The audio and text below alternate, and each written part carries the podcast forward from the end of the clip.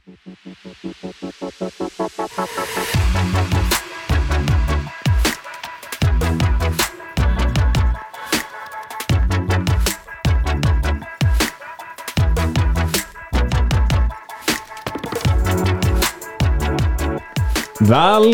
til Norsk rikstidskasting, episode 19, Sigrid. Ja, ja, ja, ja, ja. Nå skal vi ikke trykke på knappen, vi har fått klager på lydarsenalet vårt. Det, vi lar oss ikke begrense så mye, da. Nei, musikken må vi ha. Ja, og noen knapper noen ganger. Musikken må bli. Ja. Ja. Eh, 17. mai har vært. Vi er litt bakpå. Vi lovte den sendinga her på fredag, men tirsdag er Vi lovte den vel egentlig på fredag, og så var det plutselig noen som skulle spille en uh, turnering. På innspillingsdagen. Jeg vet ikke Ja. om du husker det? Jo, stemmer det. Ja. Det- Altså, uh, ja. Ja. Ingen som er sure for eh, at det ikke ble invitert på pargolf, men uh, det går bra. Eh, det var gøy. Sikkert kjempegøy å spille pargolf. Kosa på 17. mai.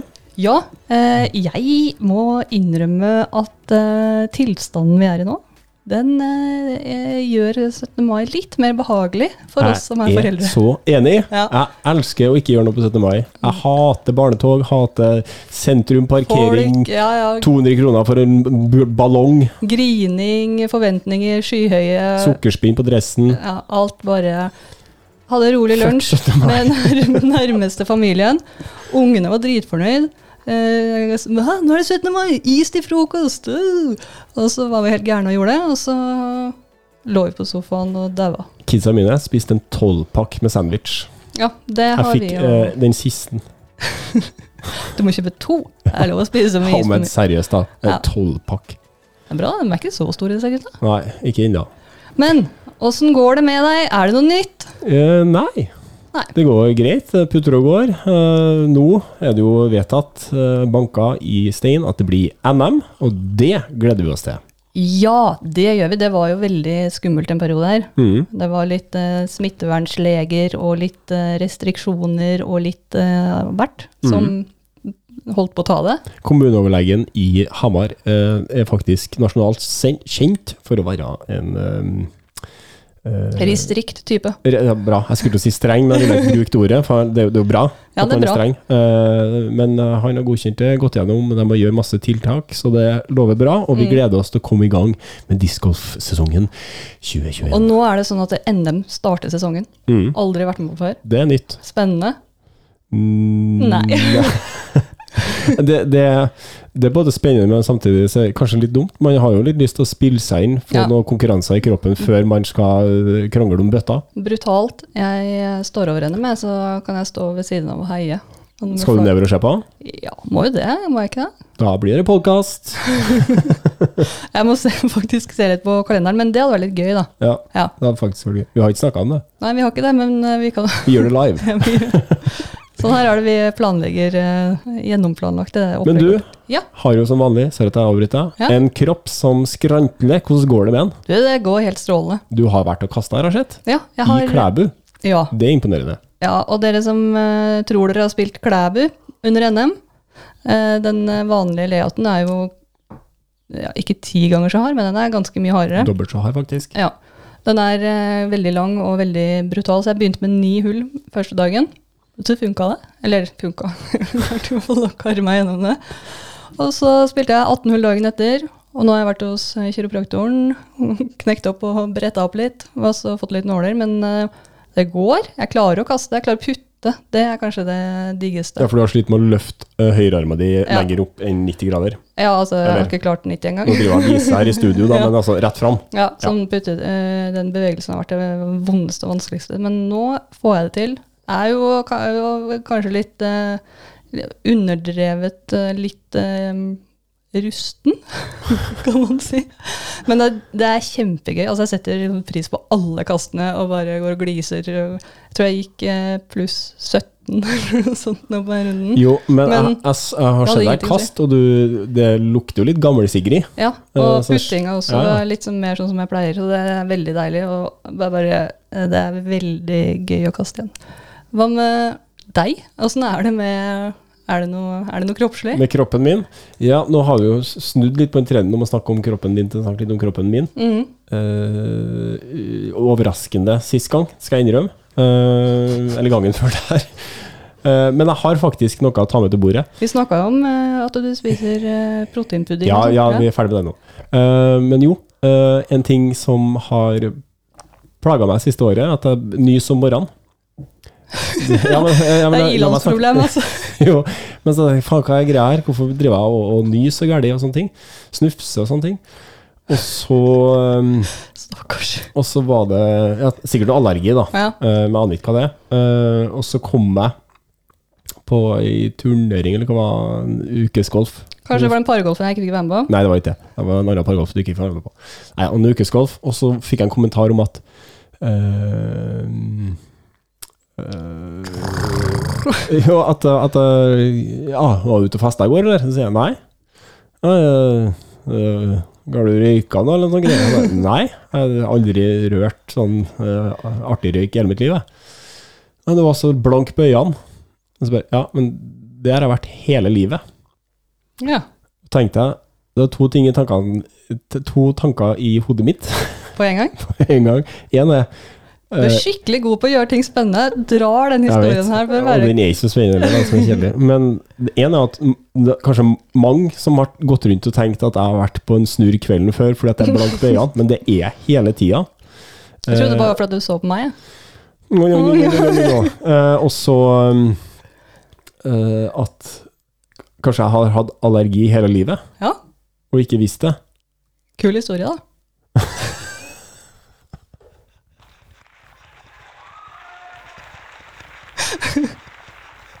Takk. Det er litt sårbart for meg del, akkurat det med blanke øyne, for det har irritert meg. da for jeg, det- ser ut, jeg, jeg ser ut som at jeg er sliten, hvis du skjønner, i øynene. Ja. For Du har sånn, eh, jeg har sånn eh, Det er sånn glinsende på øynene. da. Eh, Så folk går rundt og tror at det er sånn dopue og sånn. Og så er det liksom allergi som jeg ikke vet om. Fy fader, her har vi Jeg vil vært lam i halve kroppen, og så er det Blæ, blæ, blæ, blæ. skje på Jeg er litt blank på øya. Ja, ok, Bra du tok over den stafettpinnen. Jeg gleder meg til å høre om neste.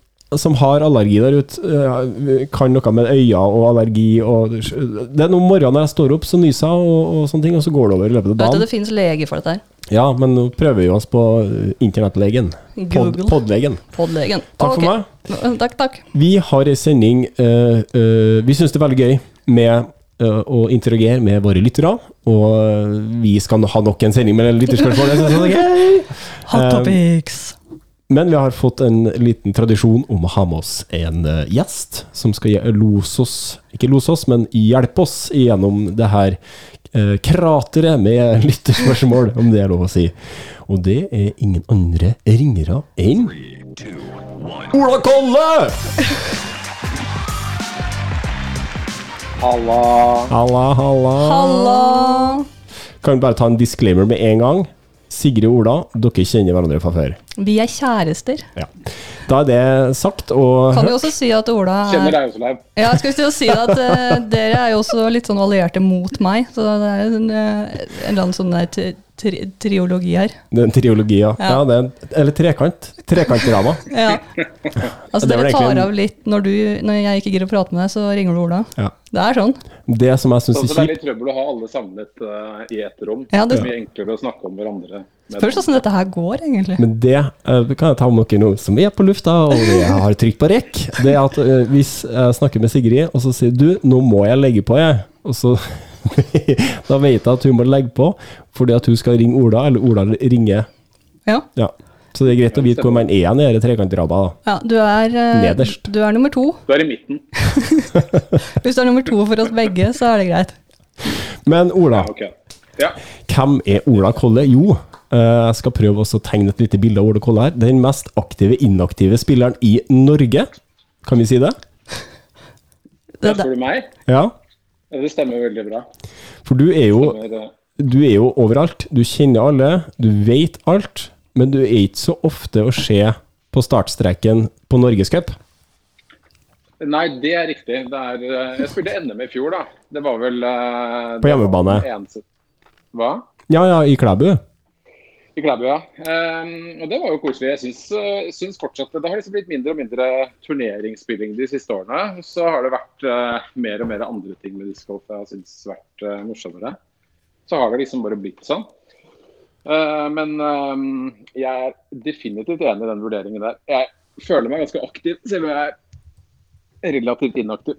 Ja, og det, men det som er så fint med discgolf, at du trenger ikke å være eh, toppatlet utøvende eh, for å være en del av det flotte miljøet og sport. Det er sant. det er sant. Men Jeg syns fortsatt det er veldig gøy å spille, men, eh, men, eh, så det blir mye casual-runder og sånn. Men det er ikke så Det har ikke vært så mye større turneringer de siste årene. nei. Uh, er det spesiell er det det der med å konkurrere på en måte som ikke appellerer så mye til deg nå som før, eller er det bare at uh, Nei, jeg har egentlig aldri syntes det har vært sånn veldig gøy. Altså, jeg, eller jeg syns det er gøy, men uh, man har, man har liksom litt andre ambisjoner enn nivået. Og det på Kjenner du deg igjen, Leiv? og Kjenner alle seg igjen? uh, nei, så et- På et eller annet tidspunkt så gikk det opp for meg at det var liksom ehm, Jeg fikk ikke Jeg, jeg bare syns rett og slett ikke det var så gøy. Uh, og, så, og så Det er liksom ikke den delen Den konkurransedelen av frisbeegolf jeg syns er morsomst. Det morsomste syns jeg er å spille nye baner, spille koselige casual-runder, byggebane, prate med folk. Ja. Samle, Eh, samle på disker. det er spesielt det å ikke være forberedt. da. Uh, som jeg ikke, altså Å spille turneringer som man er litt forberedt på, syns jeg er gøy. Men eh, det der å melde seg på eh, norgescuper og så komme inn på et bananskall uten å ha trent noen ting og ikke ha sett banen før, og så komme og bli dritskuffa fordi du spiller akkurat på nivået ditt. det er eh, grenser for hvor mange ganger man eh, vil bli ydmyket. Ja.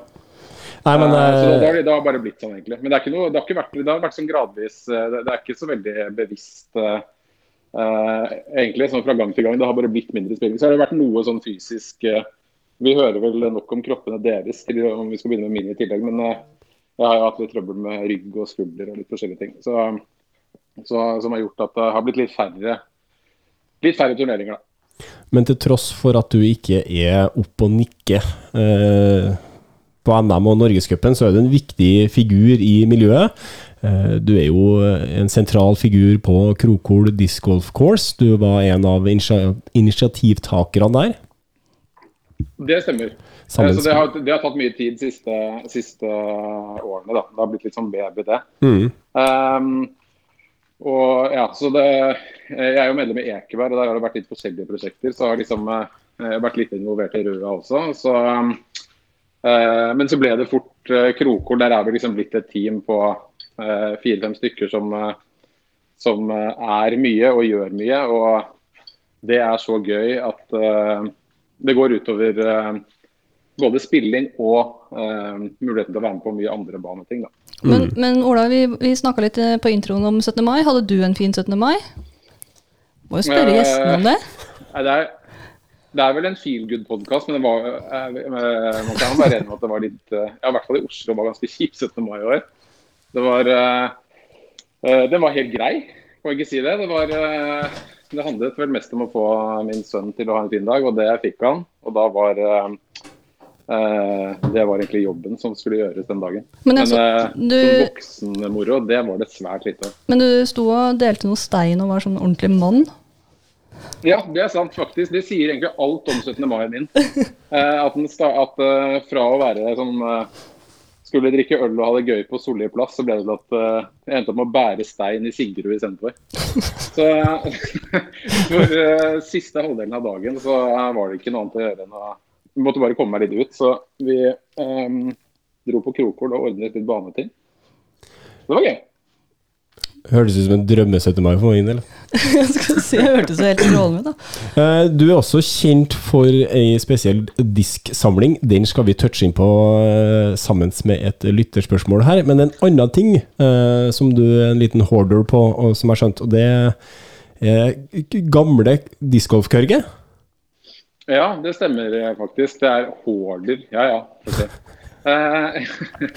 eh, nei, jeg, jeg, jeg syns Diss, selv om jeg ikke har spilt sånn superlenge Jeg begynte å spille i 2006-2007. Um, så har, så syns jeg discgolfhistorie eller frisbee-historie er eh, morsomt å lese om og høre om. Uh, og så når um, kurver begynte å byttes ut på flere baner, og noen baner ble nedlagt og sånn, så kjente jeg på om ikke et ansvar, så i hvert fall en lyst til å ta vare på noen klenodier fra um, forhistorien. Så jeg har uh, ordna meg sånn at jeg, eller jeg forsøker, da. Målet er å uh, samle én kurv fra de 12, ja, det er sånn 10-11-12 første banene, før man fikk de gule ringene, egentlig. Um, samle én kurv fra hver bane. og så egentlig bare ha, Nå har jeg det bare hos meg. og så um, Jeg vet ikke hvordan det jeg, uh, jeg, vet ikke hva det kommer til å ende med, men det hadde vært veldig morsomt å fått vist det fram på et tidspunkt. Eller laget en sånn korthuls uh, museumsbane et eller annet sted. eller ja. I hvert fall at de ikke blir kastet. At det er liksom uh, noen som har samlet opp trådene. Og de som jeg har fortalt Uh, og det begynner å bli ganske mange som vet om det prosjektet der, så har jo alle syntes at det er gøy. Da, at, det er, at, det er, på én hånd. Um, og at uh, man får ja, få, beholdt litt av historien også. Det er jo kjempekult. Hvor mange kørger har du? Um, jeg har hvor mange? Det, det, er en del som er under planlegging også. Er, uh, nå har jeg vel syv. Ja.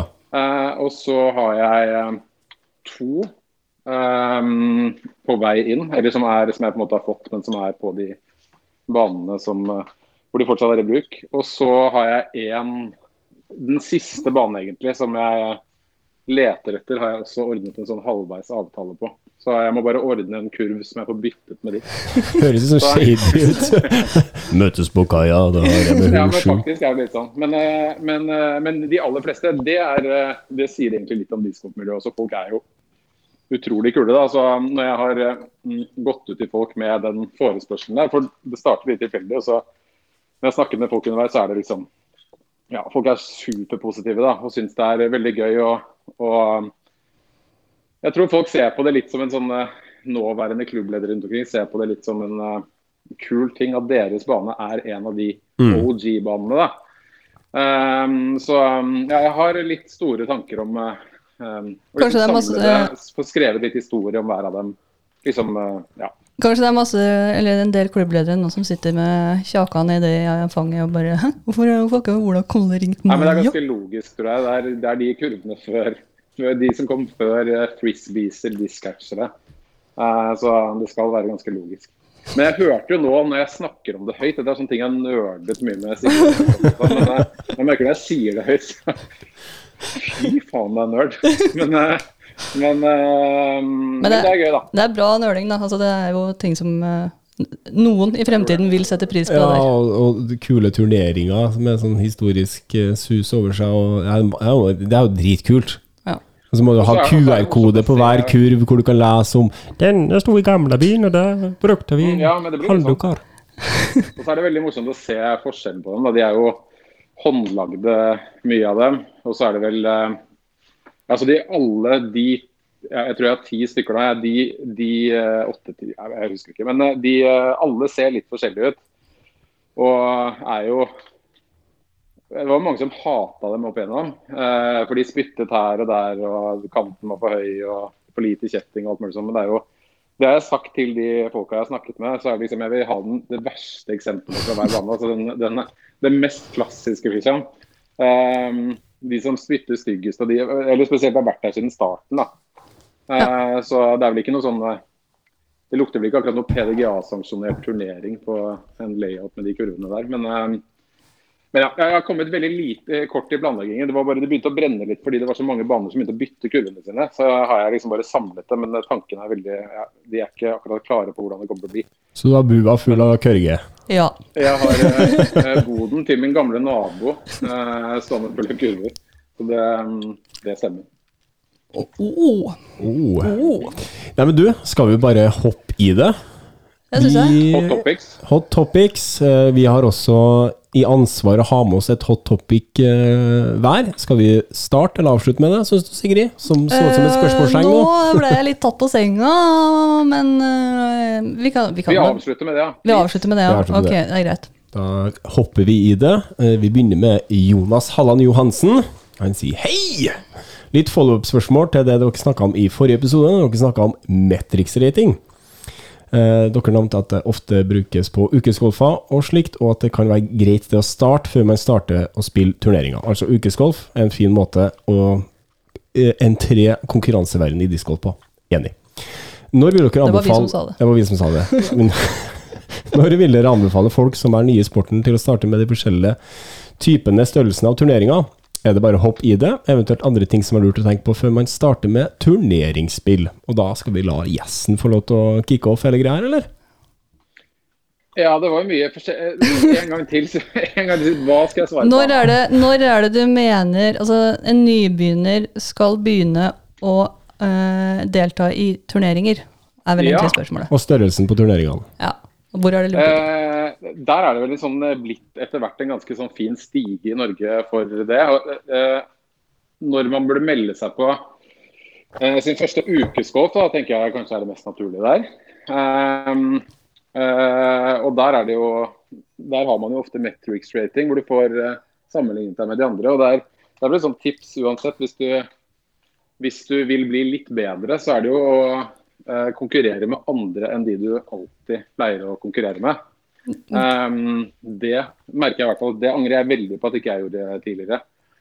Uh, da jeg begynte å spille, da var det jo, spilte de første to-tre årene bare med de samme menneskene. Og da blir du jo aldri Du du blir, liksom aldri bedre, du blir aldri bedre enn litt bedre enn nummer to. Det er på en måte det beste. Ja. Sånn fungerer vel mennesket. at hvis du, hvis du akkurat er god nok til å vinne, så gidder du ikke bli så mye bedre enn det.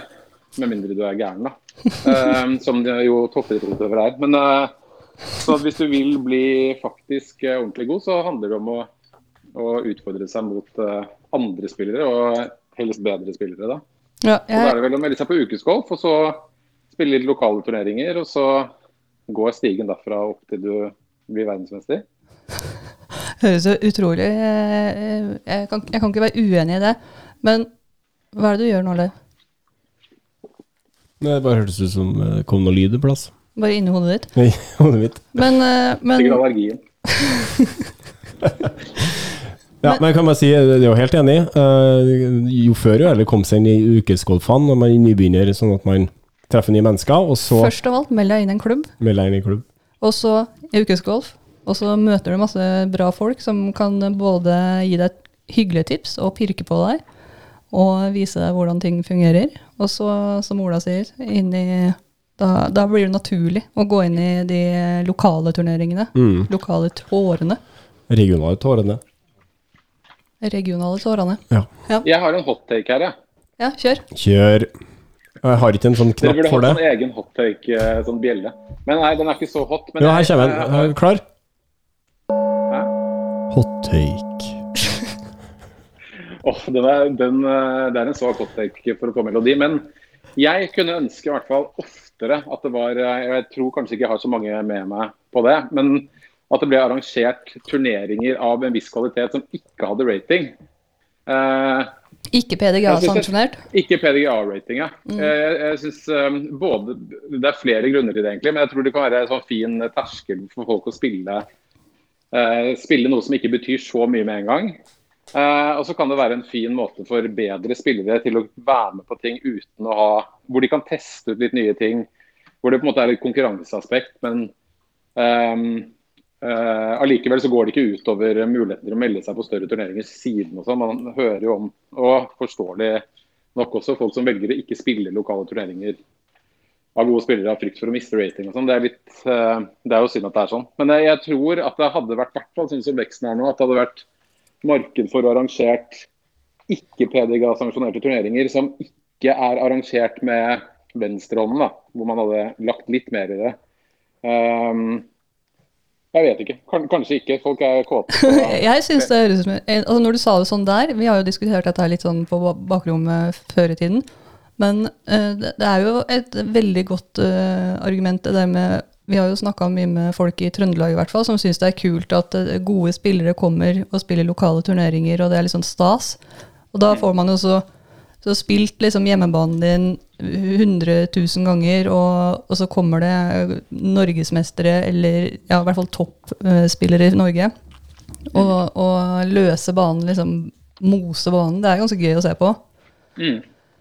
Hva tror du, Leif? Eh, Det er vanskelig å være uenig. Nå må vi også huske på at vi på veldig kort tid, få år, har gått ifra at det er skrikende behov for PDGA-turneringer, er et par Ja stykk i regionen din, til at nå er det veldig mange, og alle er PDA-sanksjonert fordi at man har med seg den der at man skal, man skal arrangere PDA-sanksjonerte turneringer, komme seg opp i rating, komme seg inn i Norgescupsystemet. Ja. sånn at det helt klart er det et stort behov for litt mer sånn ufarlige lavterskelturneringer, som, som uh, Ola sier her, som en um, introduksjon for nye spillere, men også for erfarne spillere som har lyst til å teste ut nye ting, nye disker, ny mental tilnærming, ny putteteknikk, som også gjør at gode spillere kan spille sammen med Eh, mindre gode spillere uten å være bekymra for sin egen rating. For det også har vi jo sett at det er mange på lokalt nivå, litt ute i uh, Marka? Marka, de distriktene som uh, avstår fra å delta på lokale turneringer uh, hvor, mm. hvor, det ikke er så mange høyt rata spillere. Og da får man liksom ikke testa seg eller lært noe eller blitt kjent med osv. Så, videre, ja.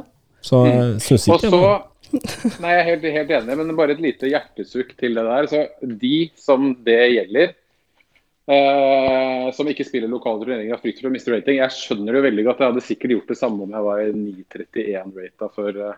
Men det er jo greit å huske på at grunnen til at du en gang fikk den ratingen du nå har, er fordi andre lokale gode spillere var med på de turneringene og ga bort sine ratingpoeng til deg. Så det er jo verdt å huske på da, at det er man Bare stille opp spill, og så spill bra, så går ikke din ned. Men jeg tror vi har svart eh, på han uh... Jeg vil bare ha en liten shout-out til den siste, det siste ordet sa der, til ja. Ståla, Ståla Ståle Stai Hakkestad. Hakkestad? Hakkestad. Ja. Uh, som aldri har uh, vært redd for å spille lokale turneringer hvor han har vært 100 ratingpoeng bedre enn nummer to. Ja. Uh, han kom rett ifra USA når han eisa der på Var det USDGC, eller hva var det? Jeg vet ikke. Ja, det var noe sånn ja, det var ja. slags Og hadde latterlig høy rating, og bare rett ned på uh, Dragvoll C-tier. 40 deltakere. nummer to var 8,90 rata.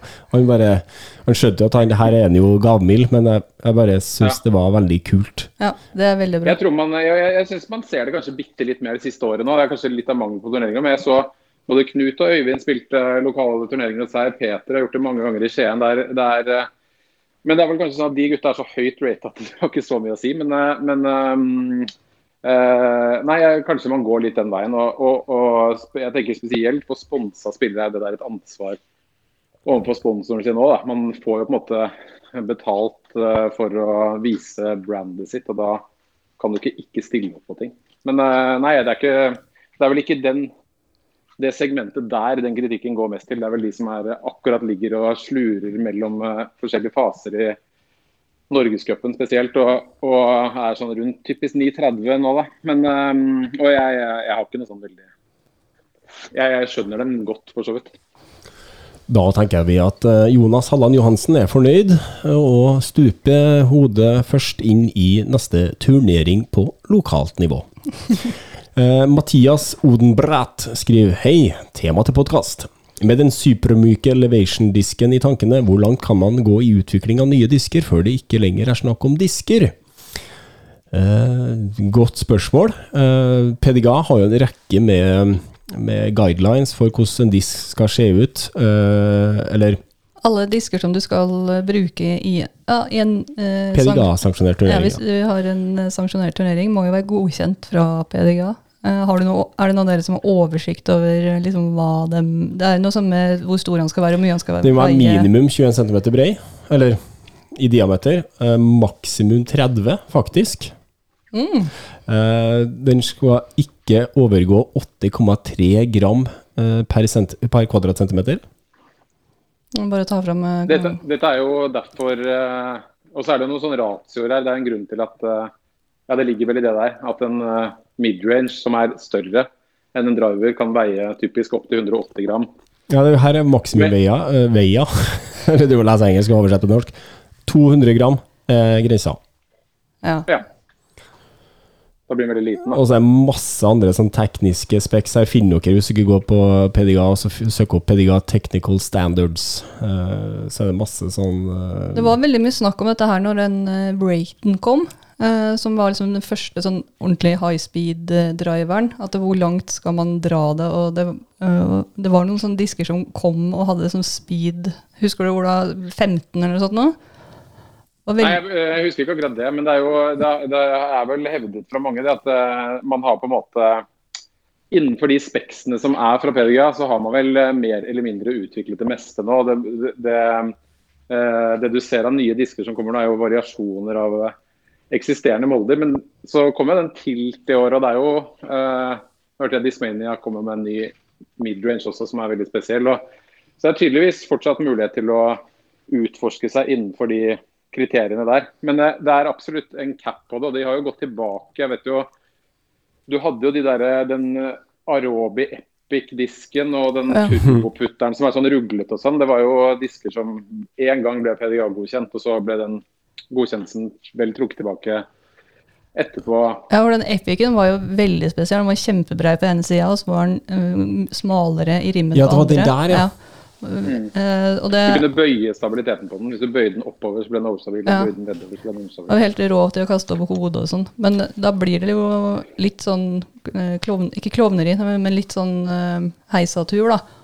Um, Kan jo bare slenge Ja, at, du- at kan den her man kan jo google, bildegoogle den turboputteren også, hvis du, hvis at den, hvis du syns at den Epicen er uh, klovneri, så kan du se på den turboputteren, for den er helt ekstrem. Men jeg kan bare slenge inn at uh, de eh, reglene her er oppdatert senest 20.1 i år, sånn Mm. at PDGA følger med og, og eh, eh, er med og Altså det er ikke gamle regler som bare har stått og uh, tørka Nei, tatt imot støv over lang tid. Eh, så PDGA jobber Men det er jo definitivt, ja, det er definitivt krav. Ja, du er jo, det er jo bare å se en sånn herre Jeg husker ikke hva det heter, men disse runde bøylene som man pælmer. Det er noe aerobi-greier, det også. Så ser du at du, det er på en måte grenser for, i forhold, eh, Med tanke på det spørsmålet han fyren stilte, så er det absolutt grenser for eh, hvordan de kan se ut. Hvis du lager et høl i midten, så flyr den jo mye. Men, men tror dere at det liksom Nå er det jo eh, sånn ordentlig diskjungel. Eh, vi har jo hatt en del, eh, en del sånn eh, nybegynnerkliniks, og, og folk spør og hva er det hva, Altså du må på en måte bare prøve deg litt fram. Um, men stopper det? Tror dere at det liksom Slutter dem å uh, lage nye molder og nye ting, eller tror dere bare at den, der, den kommer til å bare spisse seg mer og mer, mer, mer, mer, av det samme? Det kan du garantere at, kan jeg garantere at ikke de kommer til å gjøre. i hvert fall.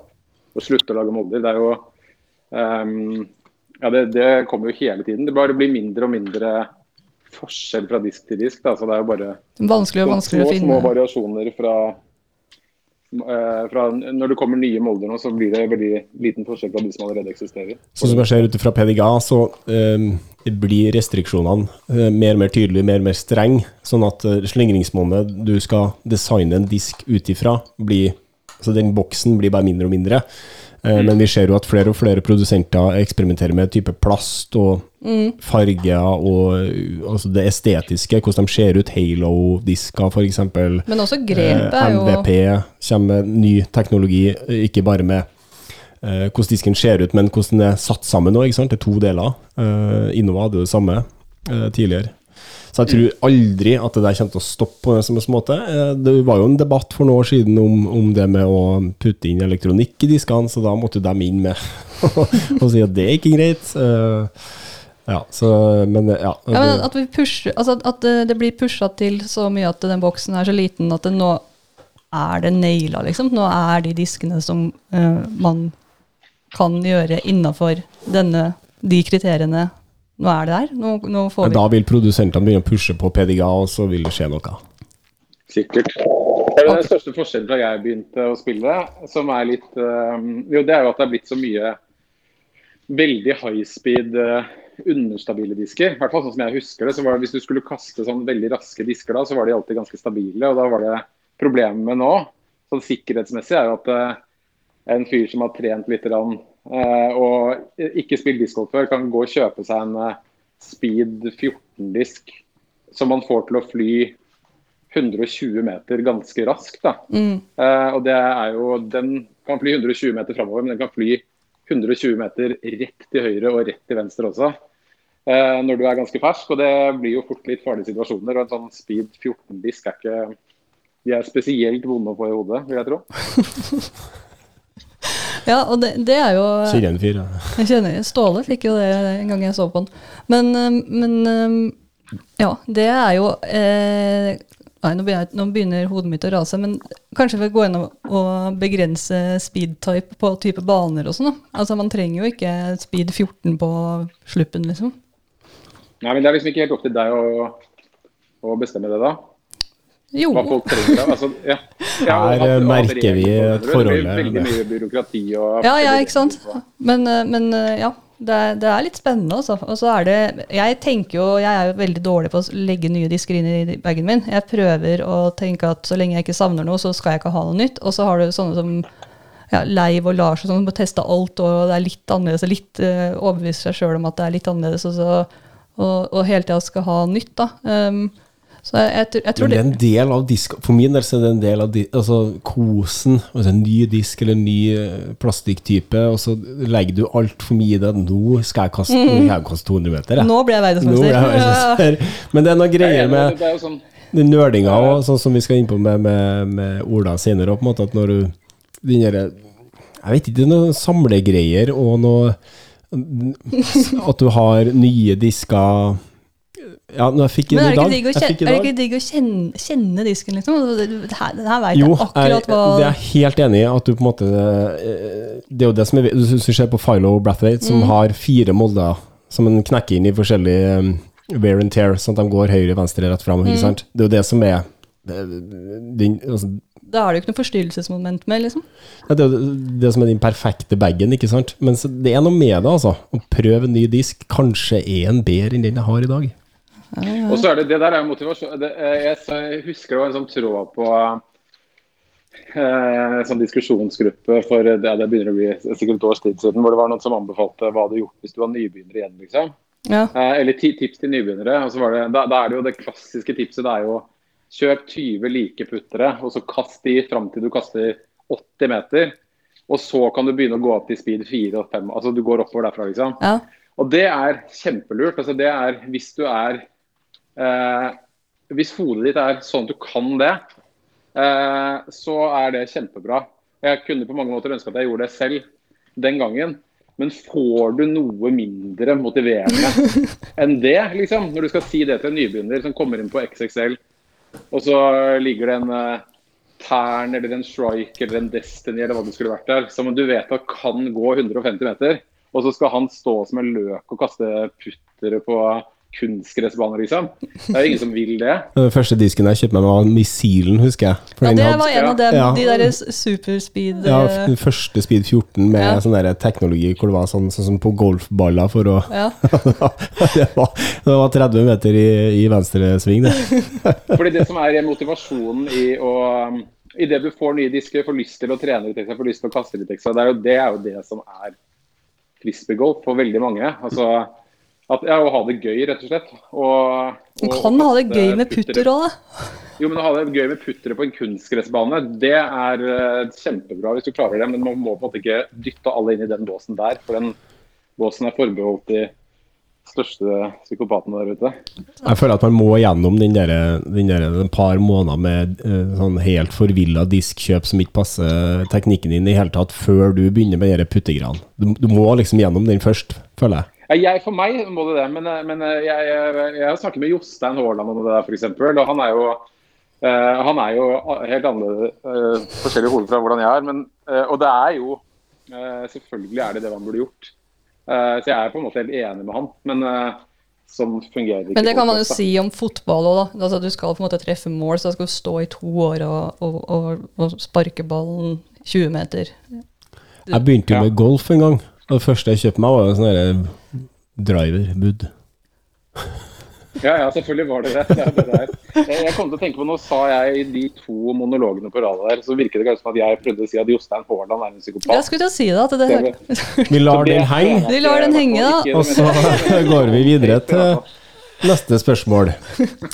Sondre Dragseth eh, er jo en eh, flott fyr. Han har en Instagram-konto hvor han legger ut at han putter mye i Bergen.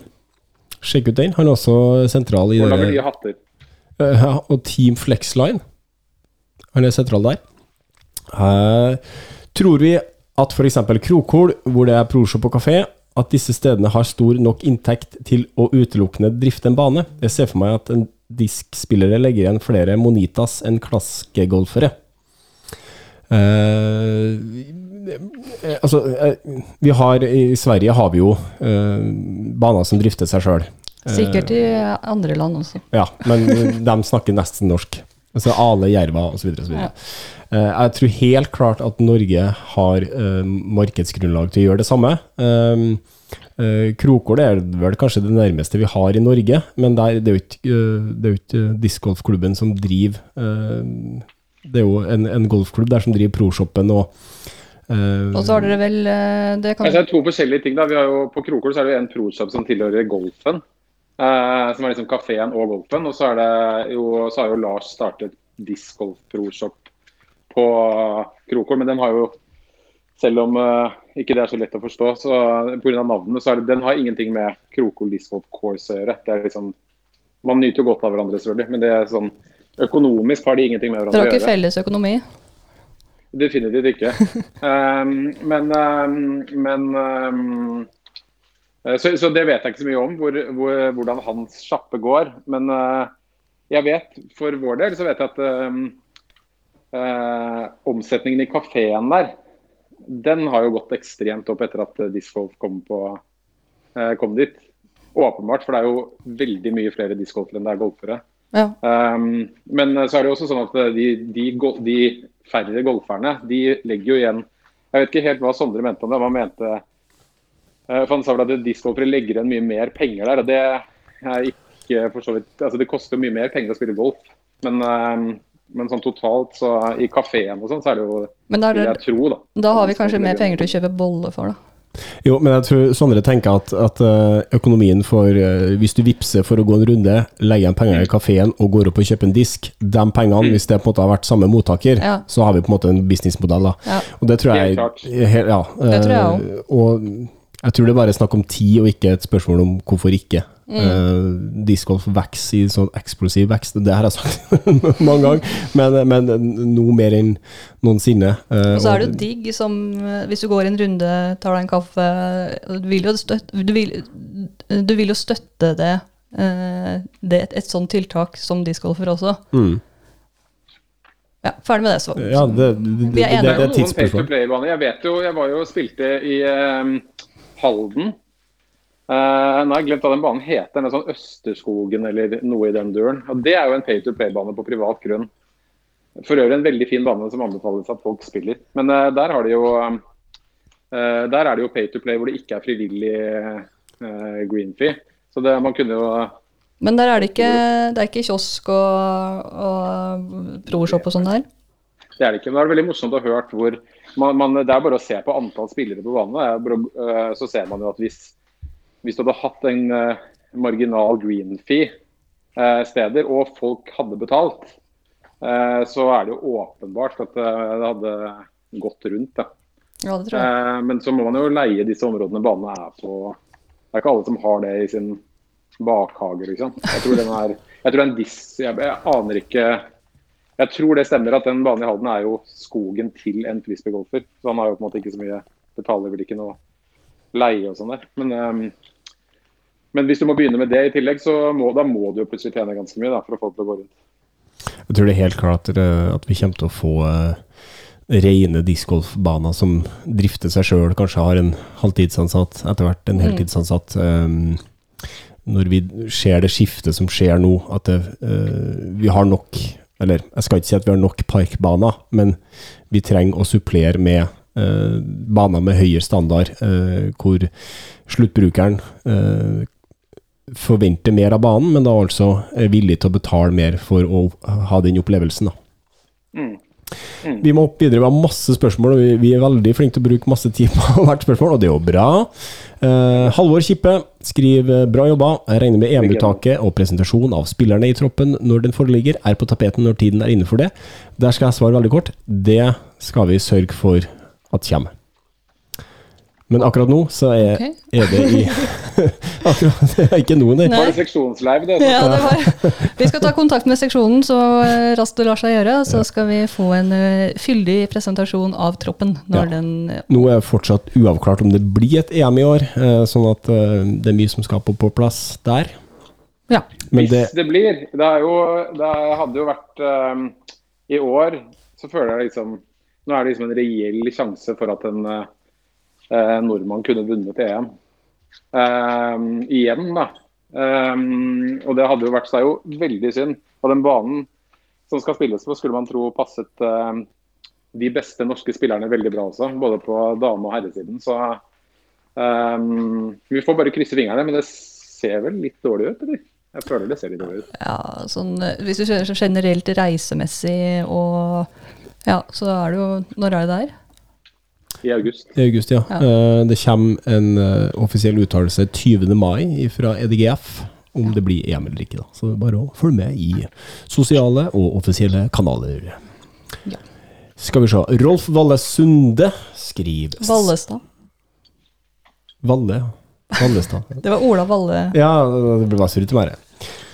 Uh, snakk litt om det mentale aspektet, gjerne med en idrettspsykolog, mentaltrener i studio. Det syns jeg hørtes ut som et veldig godt uh, tema for en hel podkast. Det syns jeg òg. Det har dere ikke på besøk i studio nå. Men det, det, det her er litt morsomt, for jeg snakka akkurat med mm, ei på ei turnering her fra Ørlandet om akkurat det her. At vi er veldig flinke til å snakke om disk og teknikk og resultat, men vi deler aldri de eh, mørke, redde tankene vi har når vi står og skal putte, f.eks. Eller vi, Nei, der og vi snakker aldri om de tankene vi Vi er veldig flinke jeg, til å snakke oss sjøl ned, f.eks. Eller hva vi er redd for, hva vi frykter, hva vi ønsker. Altså Vi snakker veldig lite om det, men eh, Men det er vanskelig, da. Altså, det er vanskelig å være ærlig med seg sjøl, inni Først. seg sjøl. ja. Eh, hva er det jeg egentlig er redd for når jeg står her og bommer putter? Altså, Mm. Det er dritvanskelig å, å sortere ut hva som gjør at du ikke får det til. Mm. Det er jo kanskje Så eh, Og frustrerende, tenkte jeg. Du, du setter ti av ti her på trening, og så kommer du på turnering, og så er det fem meter, og så bommer du hele kurva. ja. Og så er du skuffa over deg sjøl, og så syns du det er litt flaut. Og det- her har vi mye å prate om. Ja. Jeg kan ikke begynne med det nå. Eh, Men godt innspill, Rolf. Det her skal vi lage en sending om. Eh, Og du hadde ikke noe å bidra med der, sa du, Ola? Jeg, skal høre på den podkasten. Kanskje du kan begynne å spille eh, turneringer igjen, da? Ja, kanskje det. Men da skal vi til én stykk Valle. Ola Valle Stakkeland, eh, forrige gjest. Eh, eh, blir man mye bedre av å kaste en Cloudbreaker til 1500 kroner framfor å kaste en Destroyer til 179? Og her, Ola, vet at du har ei mening. Nei, jeg har egentlig ikke så veldig mening om det. Jeg, svarer svaret på det, kortere svaret på det er vel er vel nei, men det er vel heller ikke så mange som hevder det. At, Jeg kan- eh, jeg kan- sorry, Jeg, jeg Jeg skulle egentlig ta en intro på det der, men uh, det her var da den, eh, den framsyntheten i introen din. Uh, for du driver og samler på disker som kan være meget kostbar. Vi snakker da om Firebird, og vi snakker da også om Nate Sexton Firebird, som går for uh, hvor, hvor, hvor dyrt har den dyreste disken gått for, egentlig?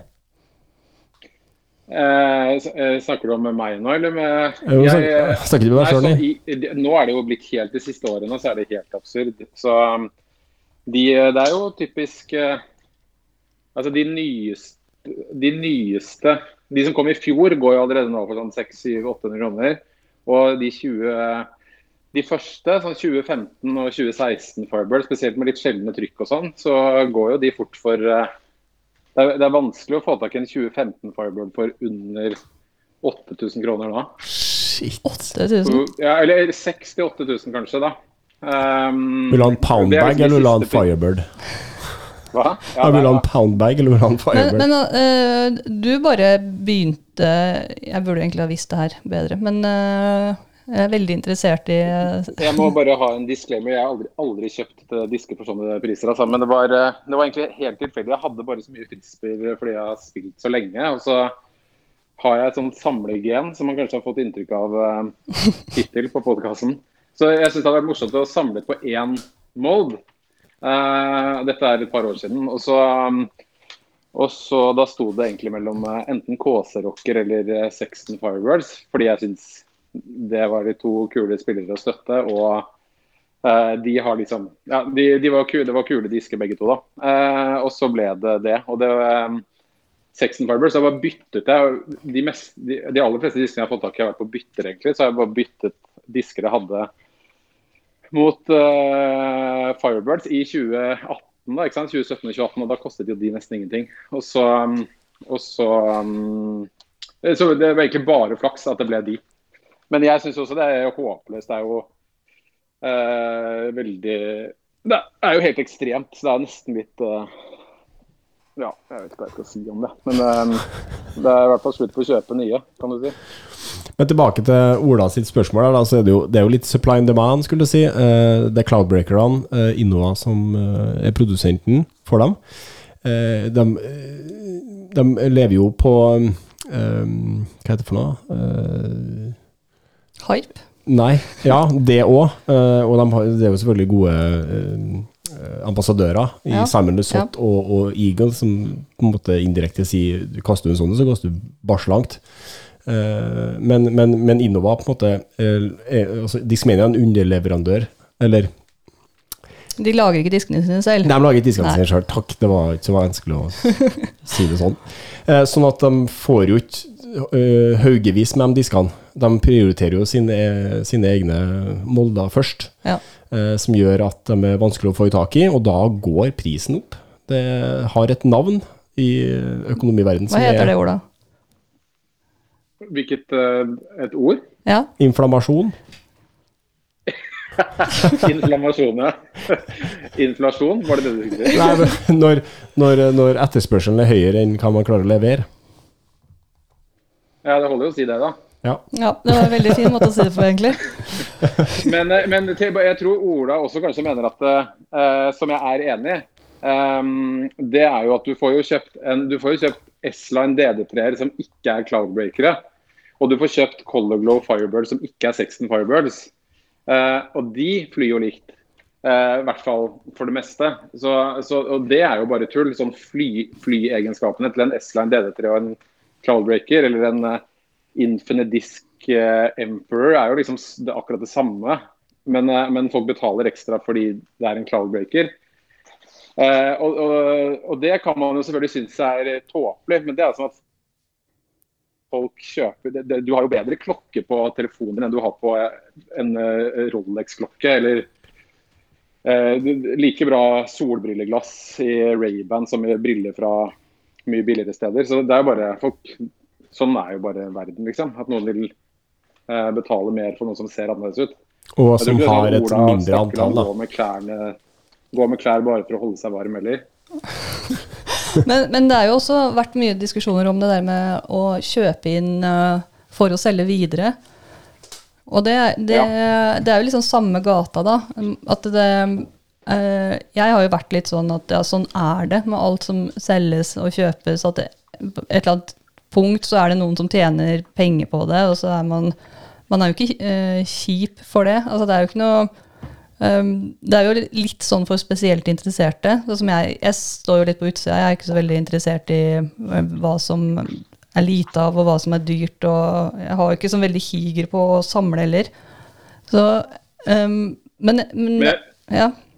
Nei, jeg synes, Det syns jeg er litt harry, da, men det blir jo bare sånn Jeg syns det er litt harry å kjøpe nye disker eh, på en eh, ProShop i Norge, og så eh, har ikke de noe cap på hvor mange du kan kjøpe, og så kjøper du 20 stykker, og så går det tre dager, og så legger du de ut på auksjon. ja. Jeg syns det er en ganske harry måte å tjene penger på, bare. Det er ganske harry, men det er jo harry bare fordi at eh, vi er så små ennå, da. Er det ikke det? Altså at Jo, men Finn noe annet å tjene penger på, da. ja, er, hvor mye er det de tjener? Det er, det er, tenk hvor mye jobb det er, da.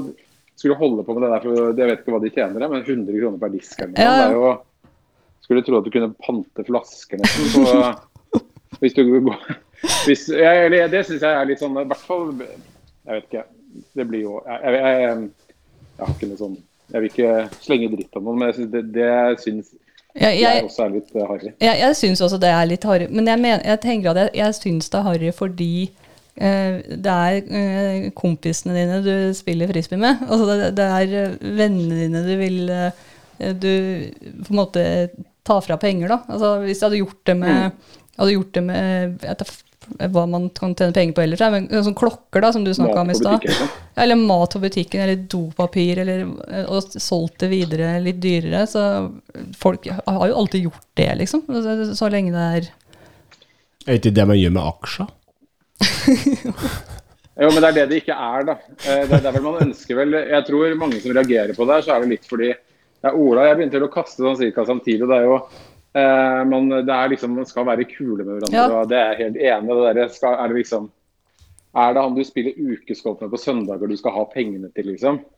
Ja, det, ja, det er det jeg Eh, mener. Man syns det er litt sånn der brudd på det, brudd på det kameratskapet, ja. Det er det jeg mener. At det, Ja. det er der det- den eh, Og så er det kjipt fordi ja, Hvis du veit at jeg kaster, kaster en disk, og så bare sitter du til en penge på For det, det skal jo kastes, og så skal du samle, selvfølgelig, men ja, det, Men jeg, jeg tror vi kommer til å se mer av det. Jeg tror mange tenker sånn, jeg vet i hvert fall jeg vet på sånne amerikanske grupper og sånn, så det vet jeg mange som uh, bruker den der teorien om at du skal liksom Må ikke gi noen tips, da, men, uh, for det, jeg syns som sagt det er litt harry. Men at du hvis du bestiller uh, ti disker, da, og så får du de, og så plukker du ut de to kuleste, for du vet aldri helt hvordan de ser ut, og så selger du de åtte andre, og så har du på en måte tjent inn de pengene for de to du fikk, da. Ja. Og du fikk de to kuleste. Men som du sier, det er jo veldig mye jobb. Men det da, der er jo sånn høstling, liksom. Ja. Um, ja, jeg, det, kanskje du bare burde blipet det. Eller alle skjønner at det er sånn det funker. Men uh, jeg har aldri gjort det, i hvert fall. men Og syns det er litt uh, Skjer det samme med, med PlayStation 5 nå, f.eks.? ja, det er et godt eksempel. Som blir kjøpt opp i huet og ræva og selges til 10 000-15 000 til slitne småbarnsforeldre Ja. som er lei av å høre på maset. Ja, og det, men, eh, ja, men de er- lager jo sånne, sånne roboter som bare sitter og kjøper inn automatisk, og så selger de det med profitt. Og det er jo, det er jo, det er jo spekulanter. Det er jo spekulering og utnyttelse av, av um, systemet, skulle jeg til å si. Men, det, men jeg, jeg, syns det er dritt. Jeg syns det er rett og slett bare kjipt. Det er kjipe folk. Da kunne jeg like så ta dem som selger det eh, i utgangspunktet, proshoppene, for eksempel, har tjent på det heller, da, enn han Fjott Fjottesen.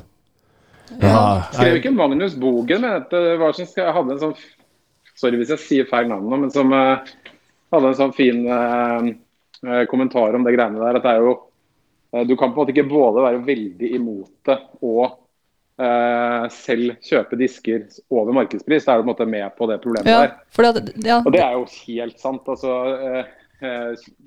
Absolutt. Så man møter seg jo sikkert selv i døra der mange ganger. For plutselig så er man keen på noe som er vanskelig å få tak i. da, og Så betaler man det, og da er du på en måte en del av den sirkelen der som En del av problemet. Men alt dette, eller ikke alt, men mye av den flippingen av nye disker, den er jo veldig enkel å løse. Og det er jo bare når produsentene kommer seg opp i ringa og eh, får systemene sine rigget for den ekstreme veksten som har vært. Som jo ikke er rart i det hele tatt at ikke de var. Men, eh, men eh, idet man får kjøpt en Star Destroyer eller hva det skulle vært, at de bare kan mate ut dem, så vil jo åpenbart prisene gå ned på nye disker. Men eh, de vil jo fortsatt være um, Folk vil jo være villige til å samle på ting som det finnes lite av, og som er gammelt gjerne. da. Um, og det er vel mer sånn klassisk. Det er som Pokémon-kort eller hva folk klokker eller hva folk samler på. Jeg syns det er et godt, godt uh, poeng, da. At uh, så lenge noen er villig til å betale det, så, så vil det skje. Ja, problemet vil vedvare. Ja. Så eh, til å svare Ola Valle Stakland, så er vi enige om at eh, nei, du blir ikke spesielt mye bedre. Du kan hende at du, Du blir bare for en stakket stund eh, Det henger jo også sammen med det som du snakka om i stad. Du vil prøve og vil kjenne. Og, Ja, ja. Altså, den feelingen kan kanskje bli litt bedre for noen. Eh, Man kan jo bli litt bedre av å få kjøpe hvis du kjøper nye joggesko eller eh, har fått begynne å jogge? nye treningsklær, og så drar du på sats for å trene, så føler du deg litt sterkere enn du gjorde med den slitne joggebuksen dagen før, liksom. Det er den ene eneste edgen Hører du det, Leif? med på at det er den hadde, eneste edgen jeg kan være med på at det gir. Ja. herr Stakkeland hadde et spørsmål til han. Eh, hvem savner dere mest å se i dagens frisbeegolfmiljø? To spillere. Siden Leiv ikke har spilt så lenge, kanskje Sigrid og da Ola kan ta for seg Norge, mens dere begge kan ta for dere det store utlandet. Ja. Og Eh, kan jeg starte? ja, nå er jeg spent. Hvem er det du savner? Uh, jeg, jeg savner det, var, det bare kom inn i hodet med en gang det spørsmålet ble lest opp. Det er eh, discgolf-gutta fra Skien. Eirik Groa og Jossi. Ja, Jossi. Du husker de du, Laur? Eh, Groa husker jeg veldig godt. Han har jo vært fin. med på Disc discgolf Valleyen vår, men eh, han hadde Ja. den. Men han arrangerte en eh, norgescup i måte De var på en måte Geine-kameratene før Geine-kameratene. Eh, to karer som lagde YouTube-innhold og var Det var mye som var rent gull av det som ble lagt ut der. Eh, og så slutta vel eh, Begge sluttet å spille. De var skiensbaserte, da. Og Jossi flyttet til Bergen, og Eirik Jeg vet ikke om de De fikk sikkert barn, da, det kjøret der. Eirik Roa eh, har det var- eh, spilt uh, Disc Golf Valley sammen med oss, så han, er, han lever i hvert Ja. fall. Han er sånn Vi perifer miljø. på Sorry. Nei, du holdt på Det var i hvert fall mitt, mitt endelige svar. Ok, Så Jossi og Eirik, uh, da kan jo jeg ta en uh, jeg, jeg savner Linda Wulf, jeg. Hun var liksom min eh, veldig, altså, Du må huske det, Leiv, at før i tida så var discgolf veldig lite. så så eh, hun var kanskje den eh, for min, min eh, personlige utvikling. Altså hun som pusha meg hele tida. Eh, og hun er søster til eh, Frank Wulf. Um, og ha, veldig god med disker. Veldig mm, fin eh, og hyggelig dame. Så hun savner jeg veldig. Eh, Så Linda, hvis du hører på, så håper vi å se deg igjen på banen snart. Tro det eller ei, men jeg har to. Du har to Jeg har en, internasjonale spillere. En nasjonal og en lokal. Den nasjonale er Hassimus. Ja. Ja. Eh, eh, jeg vet ikke så mye om selve om discgolfferdighetene hans, men det han gjorde når jeg begynte i, i discgolf Når har du begynt å spille? Så var jo han veldig aktiv på frisbeegolf.no med å filme, og Ja. sammen med Jørn Idar, da. Ja. Men han eh, Altså Hasimus var lenge før Jørn Idar. Jeg vet, eh, og jeg vet, jeg kikka mye på videoene jeg laga på YouTube og sånne ting òg, så han var en sånn drivkraft, for nå har ikke vi så mye Nå er det jo et stort behov når SM Discgolf igjen har, har forsvunnet, da, så, så har ikke vi så mange som filmer og sånne ting. Mm. Uh, så han, han kunne ha kommet tilbake. Mm. Så den lokale, han heter for Andreas Borgen. Eh, Ja. Han syns jeg Jeg var så glad i Andreas Borgen. Ja, han var, han Han var alltid med seg en hund, og så gikk han med sånn skulderveske, og var så trivelig. Jeg husker vi fikk gå på kort med han, da, da var det artig å Han var ute etter å kose seg. Ja. Ja. Er det han som spilte? Er det han som jobbet på den restauranten? ja. ja. Han som hadde uteplasser. Ja. Ja, ja han syns jeg var så fin. Og drømmeko drømmekortet vårt er Hassemus, Linda Wulf, eh, Andrea, Andreas eh, Borgen, Eirik Groa. Eirik Groa og Jossi. Og ja, enig. Det som var litt felles for både Hassimus og discgolf-gutta, eh, og for så vidt Gjeinekameratene, som eh, kanskje er det de savner, siden hvis man skal trekke en linje, det er jo noen som lager content uten bindinger. Altså at, eh, at du, hvor du ikke skal selge noe, eller du ikke skal um, ja, Hvor du ikke har noe sånn veldig klar agenda, da, men bare vil lage noe gøy, liksom. Ja. Um, eller viktig, sånn som Hassimus gjorde. Så var det jo um, så eh, Ikke ja, at en podkast er så veldig viktig, men det går bra, det. Uten bindinger, sa jeg. Det er noe gærent med linja her. Jeg bare tuller. Men, men Nei, men Hassimus er for øvrig fortsatt med i redaksjonen for frisbeegolf.no. Er, er han eh, aktiv? Si- Er Um, så han, han- så sitter han og har en sånn Ola-rolle og drar i snorer uten at vi ser han, eller er det stille? Nei, men? Han svarer på noen mailer iblant. og sånn. Han, han, han lever i hvert fall. Det er godt Det er å godt å høre. høre. Eh, skal vi ta dem internasjonale nå? Har vi noe? Ta ett hver. Uh, Jeg har ingen internasjonale, ta en hver dere. Ola. Uh, jeg må bare tenke litt. eh, Du har jo en forkjærlighet for en Prodigy-spiller, vet jeg, som har vært Som poppa opp nå, men han har aldri vært bort. En som alltid spiller med solbriller. Veldig spesiell teknikk. hvem? Du har det? Du. Ja, Matt. Han Ja, han er. Men han, eh, han sa det ikke, for han er jo her ennå. Ja, han er der, men han er ikke der så ofte som han burde være. Han er, eh, han er eh, Jeg anbefaler folk å gå inn på det siste VM-et Nate Doss vant. Jeg husker ikke når det var, det er 2009 eller noe sånt. Så da er Matt Oram på det kortet som sistemann, hvor han spiller i en sånn New York Yankees baseballtrøye. Ser ut som en sånn casual-spiller. Ekstremt sterk. Ser ut som han er nesten nyfødt. Det anbefales. Har du noen, eller? Ja, det var jo Nate Doss, da, men for eksempel. Men men har vært jækla artig å se Ken Climo kaste med dagens disker. Det Ja. hadde vært gøy, syns jeg. Det hadde vært gøy. Han i toppform med, med dagens disker, dagens utstyr. Eh, Hvordan tror du han hadde gjort det? Nei, Jeg hadde jo en spesiell teknikk, han òg. Eh, Det var veldig spesiell Men da måtte du jo gjøre noe spesielt med speed 7-disker, liksom. Ja. Ser du, eh, ser du jo på hun Korver som har kommet tilbake nå. Ja. Hun har jo veldig spesiell stil. Hun var jo Mm. helt grisekonge. Altså hun var liksom helt uoppnåelig da hun spilte. Men uh, utstyret utjevner jo litt, da. ja, ja, helt klart. Og- Kanskje at hun ikke har kasta på i 20 år òg, men, eh, men eh, det har vært gøy å tatt de spillerne og så putta dem inn I 2021. i 2021 med toppformen og liksom den eh, Er du enig, eller Ola? Jeg er helt enig. Det er jo sånn diskusjon, det der er jo i alle mulige sporter. og Det er jo samme man sier om Maradona nå. At man, det, er jo, det er utrolig vanskelig og kanskje litt uinteressant å sammenligne på tvers av æraer sånn. Det er så stor forskjell på dem. Men eh, jeg kunne virkelig ønske at jeg spilte eller var interessert i discgolf på den tiden han var, eh, han var så konge som han var. Jeg, Det går, det går an. Altså På YouTube ligger det masse Jeg havna på sånn YouTube-kjør her, jeg var litt dårlig. og så havna jeg på sånne VM før var jo sånn der eh, tatt opp og så gitt ut på VHS-kassetter og Jeg havna liksom tidlig 2000-tallet og sånn, så er det ganske Du ser du eh, hvilken utvikling som har vært de siste 20 åra. Altså. Og da ser du også en del eh, speisa teknikker og løsninger. Det er, vel sånn, er ikke det ganske klassisk? Nå drar de sikkert Oi, himlete med øynene der. Nei, jeg prøvde bare å komme imellom uh, pustinga Ja, di. jeg Jeg skal være rask på, uh, men man ser jo det i mange idretter. så er det jo sånn at eh, du ser det jo på golf, Hvis du ser på gamle golfvideoer også, så er det jo til slutt så finner man jo mer eller mindre fram til en fasit av hva som er den riktige svingen. Og Sånn vil det jo være i discgolf også. så hvis du ser hvis du ser på de som var best på midten av 90-tallet, så er det mye større forskjell på hvordan de kaster innad mot de de spiller med, enn hvis du ser nå.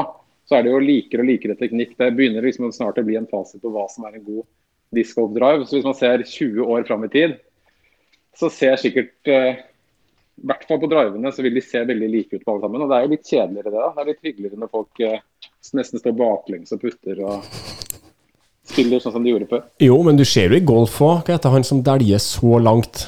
Han ehm, Han som spiller frisbee. Bryson DeChambeau. Ja, han har jo en litt spesiell golfteknikk. Og Bubba Watson. Han har også spesiell golfteknikk, har jeg hørt.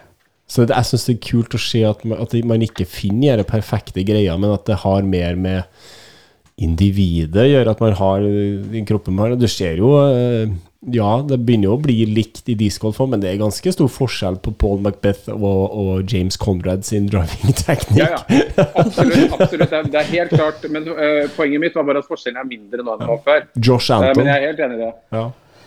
Og på putting er det jo fortsatt, har man jo fortsatt ikke funnet ut hva som er den ideelle stilen å putte på engang. Nei, det er helt sant. Um, og det ser du jo for så vidt kanskje litt i golf, og der har jo noen lange køller og noen Så kanskje ikke jeg hadde noe poeng allikevel. Men, Men- golf er ganske morsomt, for der er mye forskjellige putteteknikker. Men vi bruker jo eh, kropps... Øh, Kroppen. ja, altså vi bruker jo armen. Altså, så du kan på en måte ikke velge lengde på armen din. Sånn som du kan velge lengde på kølla di. Hvilken stor Ja, øyre er her. Jeg håpa du skulle snuble inn den døra. Nei, skal vi bare si uh, at nå har vi tatt for oss uh, gamle spillere, så skal vi gå videre? Skal vi gå videre? Uh, Vi skal avslutte med Jørgen Madslien. Her må vi si litt Jørgen Madslien er nede fra Trondheim. Han er aktiv i sosiale medier, og når han først skriver, så skriver han langt. Og um, han er dyktig. Jeg har, eh, uten å nevne navn, så har jeg hørt eh, noen mistenke at Jørgen Madslien var eh, elevrådsleder i sin tid.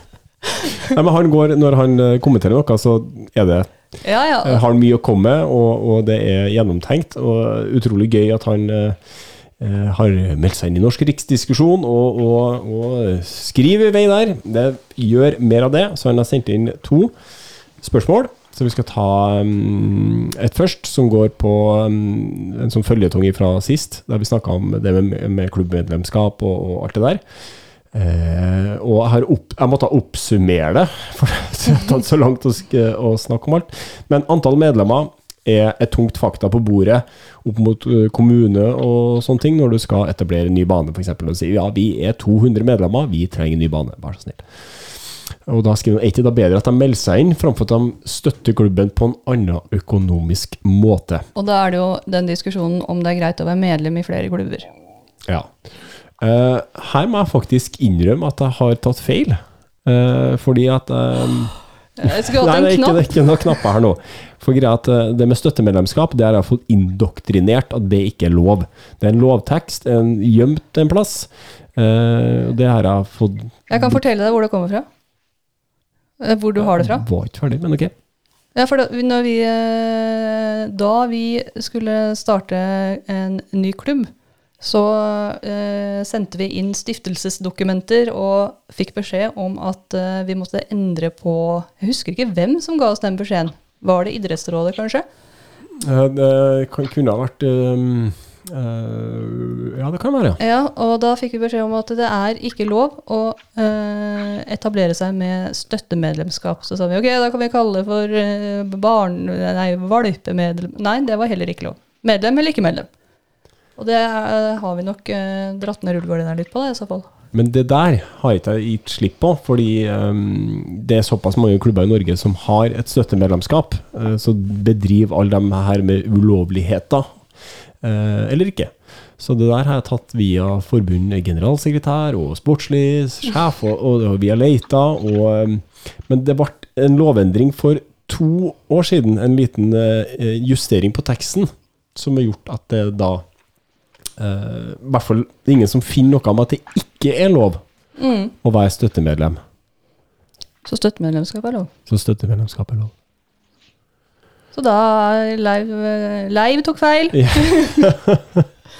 Men det var ikke, eh, som du sier, på en måte når vi stifta klubben, så fikk vi ikke lov til å registrere oss med det, den type medlemskap. Nei. Så det var jo ikke feil da. Det har bare skjedd ting siden da. Eh, men det har nok mange som har hatt støttemedlemskap i den perioden at det ikke var greit. Men diskusjonen gikk på om uh, er det greit å være medlem i Kan jeg være medlem i Ekeberg, Nidaros, Trondheim frisbeeklubb og Ørland frisbeeklubb og eh, si jeg spiller aktivt for Nidaros for å være kul med dem? Er jeg kul med dem da? Eller mister vi eh, litt av eh, gløden vår?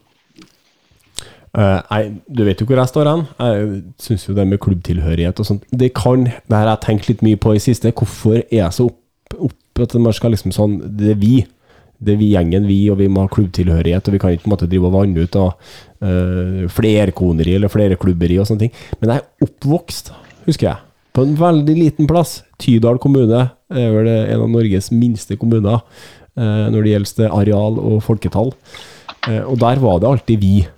Vi var liksom den gjengen som Vi var oss mot verden. Eh, ikke at det skal være sånn på klubbnivå, på en måte, men eh, Og det gjorde at vi ble en veldig sammensveisa gjeng. Eh, felles forståelse for hvor vi kommer ifra. Vi bidro til naboen, vi bidro overalt. Og det tror jeg bare har tatt med meg inn i videre liv, det voksne liv. Hva tenker du, Ola? Eh, ja, hva er det jeg skal svare på? Hva jeg tenker om eh, å være støttemedlem eller med klubbtilhørighet og sånn? Eh, nei, altså Nå er det greit med støttemedlemskap, så den legger vi død. Men, uh, men uh, Nei, du kan si at det, i, i, mine Jeg vet ikke om det er direkte svar på det, liksom, men jeg har jo aldri vært så veldig opptatt av klubbmedlemskap. Og jeg tror det er litt sånn um, Jeg er veldig stolt av å representere um, Ekeberg. Det har jeg gjort siden jeg ble um, Siden Frogner frisbeeklubb ble lagt ned. Og veldig stolt av det, og jeg har fått til masse ting sammen med det. Men i Oslo da, så det, har jeg inntrykk av at Nå snakker jeg bare for meg selv, men det er liksom ikke så viktig. Altså jeg, det er veldig mange jeg spiller discgolf med ofte i Oslo, som jeg ikke aner hvilken Oslo-klubb de representerer. Eh, og jeg har alltid likt at det er sånn, egentlig. At det er sånn eh, når eh, ja, På Ekeberg og Muselund har samarbeidet om Krokål, og hvis vi trengte noe fra Stovner, så var det bare å ringe, så fikk vi låne ting derfra. og Det, var, det har vært veldig sånn derre Og når vi har satt opp eh, banen, så har folk sponset på tvers av klubber. og det er, eh, Nei, jeg har bare aldri tenkt på jeg har aldri, jeg, Den der konkurransen klubber imellom er jeg alltid sånn å snakke om at man er Norges beste klubb og Oslos beste klubb. og jeg, jeg har, Det har alltid vokst litt sånn i kjeften på meg av sånn prat. fordi Ja. at diskgolf er liksom er- en individuell idrett først og fremst. Og så nummer to så er det en, er det en, eh, um, en Det er enten en individuell idrett, eller så er det på en måte hele frisbeefamilien. Um, så en sånn der mellom sånn eh, regionalt nivå med klubber der. eh, Jeg har i hvert fall aldri tenkt så mye på det selv, men um, uh, ja, jeg vet ikke om det var. Nei, for min del så hadde det overhodet ingenting med at man skal være den beste i klubben, eller at man ikke skal bistå hverandre, heller tvert imot. Eh, så det, det er ikke noen motsigelser i det. Det var mer det med at man ikke skal melde seg inn i fire, fem, seks klubber. eh, som, jeg, som jeg har en issue med, da. Med at man eh, Ja, sånn som f.eks. på dugnad. Da, at, at hvis du ikke har noe klubbtilhørighet, så gidder du ikke å dra på en dugnad. Jeg tenker, jeg tenker at det er hvorfor hvor, Tanken bak det må, må være altså Er det fordi at du skal få plass på ukesgolfene fordi de stenger for uh, bare medlemmene sine, eller er det fordi at du har lyst til å støtte dem? Det er to ganske forskjellige ting. Og det, Men ja, ja men det Jørgen snakker om, er uh, at f.eks. å etablere nye baner. Da, så hvis, han har, eh, hvis alle på en måte er medlem i alle klubbene, så kan man jo banke mer i bordet med antall medlemmer. Men det blir jo et falskt an, altså, eh, Det blir et falskt antall, og da er det jo bedre å banke i bordet med antall brukere, da. For det er veldig mange flere enn medlemmene i klubben som bruker anlegget si på Dragvoll.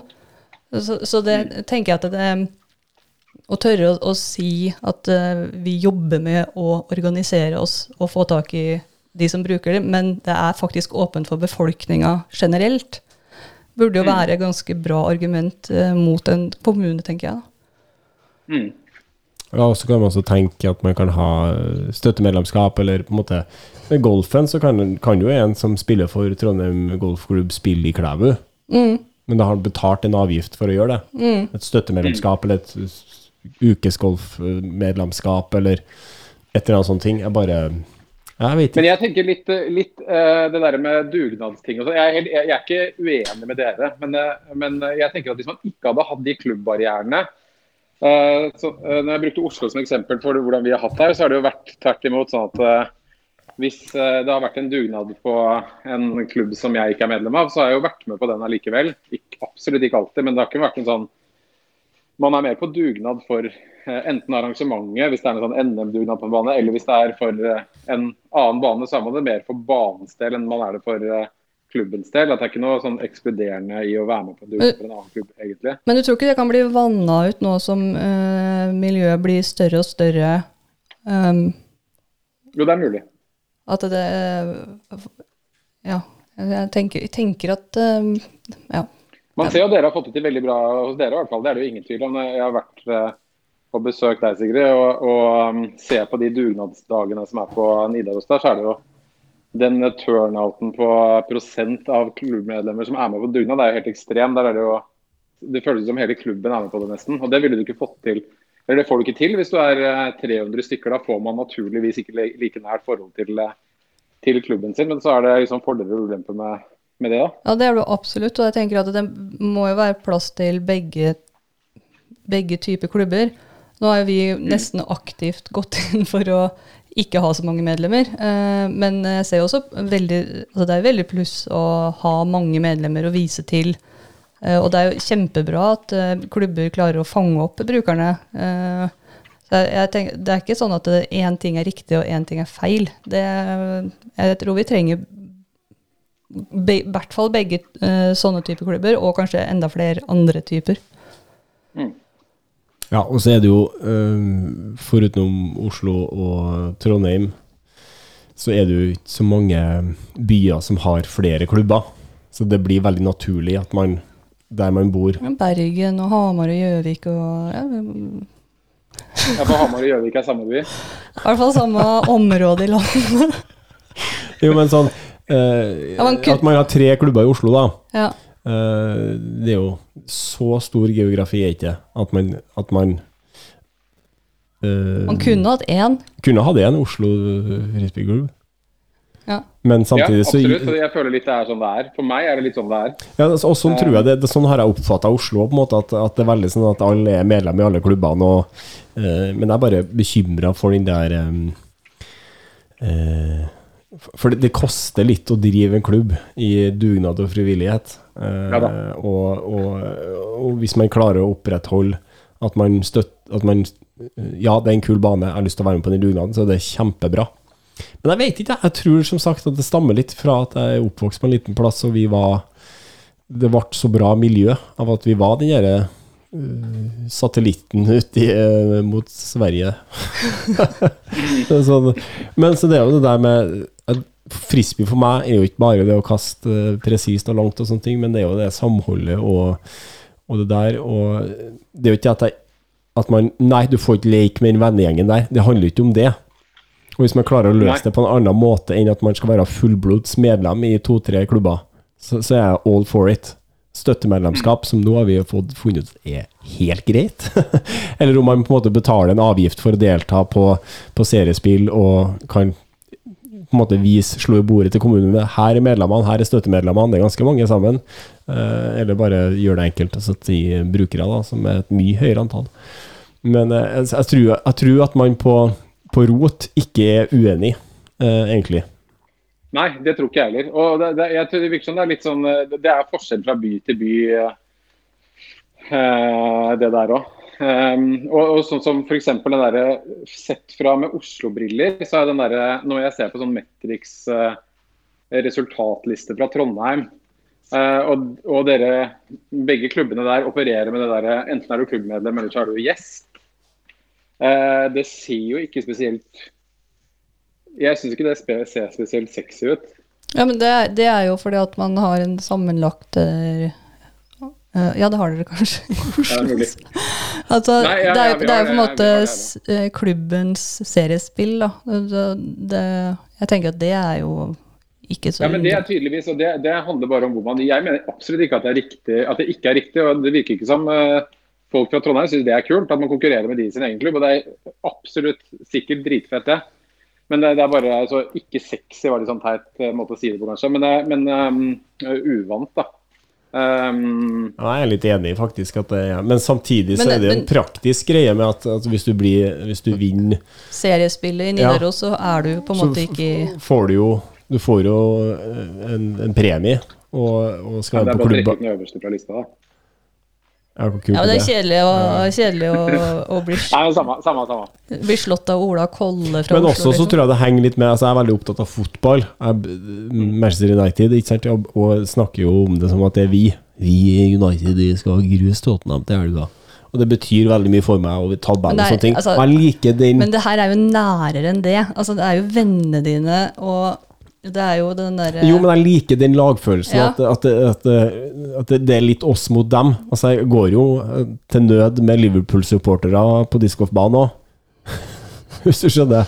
Ja. Det går kjempefint. Det er flotte mennesker, men de holder med feil lag. Ja, men jeg er helt enig. Jeg er jo også eh, absolutt over middels interessert i fotball, og har det akkurat, på akkurat samme måten der. Ja. Eh, men det er derfor jeg syns frisbee alltid har vært et litt sånn fint fristed, fordi det ikke er sånn. ja. Um, ja. Men det kan jo Det- både det være sånn og ikke være sånn. Altså Det trenger jo ikke å være sånn at man må være på en måte Jeg syns jo ingen fra noen klubber er duste for at de er i en annen klubb. Er du dust, så er du for Det det. som var kult, Ja. i, det ble arrangert Presidents Cup for uh, sikkert ti år siden nå i Oslo. Og Da fikk man jo konkurrert på banen om hvem som var den beste klubben. Uh, og det er en kul, For det er helt for det, og det er morsomt å uh, rasse litt og, og jazze litt. Og, um, slenge litt dritt og sånn. Jeg bare syns ikke at den delen der med sånn konkurranseting og sånn, burde ikke på en måte tas inn i utover på banen. Altså når det kommer til dugnader og til resultatliste resultatlister for ukesgolf og alt mulig sånne ting, da vil jeg ikke ha det. Men, jeg- men jeg har absolutt ikke noe fasit her. Jeg har sikkert et rart forhold til det. Nei, men som jeg sier, på en måte så tror jeg vi er enige på rot. Eh, Det er bare at Ja. man, ingen har løsninger. Altså, Og så funker det jo litt forskjellig. Altså, Oslo-klubbene er jo 150 år gamle begge to. Nei, alle tre. Altså, det har jo vært, vært sånn alltid, og det har på en måte utvikla seg i rytme og takt. Og, uh, mens i ja, Trondheim, da, som har en uh, 20 år gammel klubb og en 3 år gammel klubb, så, så blir det litt mer sånn um, u, Ikke utfyllende, men, men at det blir liksom to litt forskjellige ting. Uh, og mer avskilt av praktiske grunner med Klæbu som er stengt for andre. Altså, sånn, uh, og da tenker jeg at det, det er jo ikke noe Å tilpasse seg behovet er jo ikke feil, for å argumentere litt for det. Og det betyr jo ikke at man um, um, ikke skal støtte hverandre eller ikke skal hjelpe. Altså hvis, hvis Trondheim hadde ringt og spurt om de kunne lånt en spade, så hadde de jo selvfølgelig fått det. Og de hadde sikkert fått med en to-tre eh, hender med enn oss. Men um, Eller reise rundt og bli klubbmester i tre klubber. Og så vil jeg bare skyte inn at det, handler, det er jo ikke bare i Trondheim og Oslo at det er sånn som du påpekte i sted, og det er jo andre plasser i landet eh, som på en måte har hatt noen utfordringer med flerklubberi. Eh, Sånn at eh, Men jeg tenker at det kameratskapet er jo Altså, jeg kan eh, vi kan, vi kan jo reise på tur med folk som spiller i andre klubber, og være Ja. frisbee-gjengen. Og så er det liksom Ja, ja. Det er jo flere, flere lag her, liksom. Vi er enige på rot. Vi er enige på rot. Du var veldig fornøyd med det ute, uttrykket der. Enig på rot. Enig på rot. Det blir en ny podkast om rot. Du sa det var siste fellesspørsmål der, men skulle vi ikke snakke om, vi ikke snakke om uh, eh, vil, hva den sporten vi bedriver, heter? Jo, men eh, altså, Jørgen er ikke ferdig. Jørgen er ikke ferdig. Han har et eh, spørsmål til. Vi har vel toucha så vidt innpå det, men uh, i, ja, jeg må gjøre en oppsummering, for han skriver jo veldig mye. Jørgen har mye på hjertet. Uh, men det har det her med baner med flere utkast. uh, hvor tror vi at det blir hen i Norge når det først skjer? Nå har jo det her på en måte skjedd i Norge for flere år siden, og det fortsetter å skje. Um, ja, korte trekk, egentlig. Det handler om at man har f.eks. et pro-utkast og et amatørutkast. Eh, Da er det jo veldig fint at vi har med oss Ola Kolle fra Krokol discgolf eh, course. Dere har jo gjort det nå. Ja, Jeg vil holde på å gjøre det nå. Ja, men Um, det er kanskje ikke nødvendigvis ny, eller amatør og pro, men det er i hvert fall to utkast. Intermediate. Ja, eh, Vil jeg skal fortelle om hva vi gjør, eller hvorfor vi gjør det? Ja, begge deler. Kjør på. Ja. Um, nei, det var eh, Nei, det var egentlig det. Altså, Krokol er jo en eh, vanskelig bane, sånn som det står. Uh, og så er det jo et veldig svært område. Det har fortsatt vært etterspurt helt fra starten. Det er ganske mange uh, mindre gode spillere som også spiller der og syns det er gøy. Men som man ser at de liksom bruker litt vel mange kast på å komme seg dit man skal. da. Eh, og så hadde vi muligheten til det, for vi fikk støtte fra Sparebankstiftelsen til å lage alternative utkast. Og så eh, ble vi ganske fort enige om at ikke vi hadde lyst til å lage eh, Det skulle ikke være en nybegynnersløype, for det ville, det ville blitt altfor langt å gå fra forrige kurve til neste ti. Eh, og man ville følt seg som litt sånn annenrangs uh, discgolfer. Så vi hadde eh, vi har lyst til å kalle det Eh, vi hadde lyst til å kalle det en alternativ sløyfe, mer enn nybegynnerutkast. At man eh, prøver å fokusere på litt andre ting. Så, så hullene er litt kortere um, og, litt mer, og det er litt mer linjepress på dem. Um, så, og de er i ferd med å bli ferdige nå. Nå har vi faktisk bare én igjen. Um, og jeg tror det kommer til å bli superbra. Jeg tror ikke det vil uh, hemme flyten på banen. Um, tvert imot så vil, eh, vil eh, Jeg tror det vil bli bedre. Og så jeg er veldig stolt av den banen. Den kommer til å bli eh, superkul. Også for, um, også for skikkelig gode spillere. Jeg er ganske sikker på. Jeg gleder meg veldig til å få, få de beste spillerne i landet til å teste den sløyfen. For jeg tror de også kommer til å komme i Det kommer til å være trøbbel for dem også. Bare bli litt, litt andre type utfordringer. Ja, det jeg synes er Um, kult med når man har alternativ utgangsfelt, at det ikke blir bare en lettere utgave av hullet, men at det faktisk er nesten to sløyfer, eller to baner. Ja. Du på en måte det, Helt klart. Ja. Så Eh, drømmen min er at man skal liksom spille, hvis man er på Krokor, da, så skal man spille um, 18 hull på gull, den vanlige sløyfen, og så ta seg en pølse i kiosken. og så når man spiller runde nummer to, så spiller man den blå. da. Mm. Hvis, man, eh, hvis man klarer å lage en så kul bane at folk velger den, eh, velger den overfor um, ja, eller Det er to, sånn, to veldig bra baner. Um, det, og det tror jeg virkelig at vi har, uh, vi har klart. Um, det er, um, jeg gleder meg. Vi mangler bare å få kunstgress på de tidene. Så Hvis noen sitter med mengde kunstgress, er det bare å slå på tråden.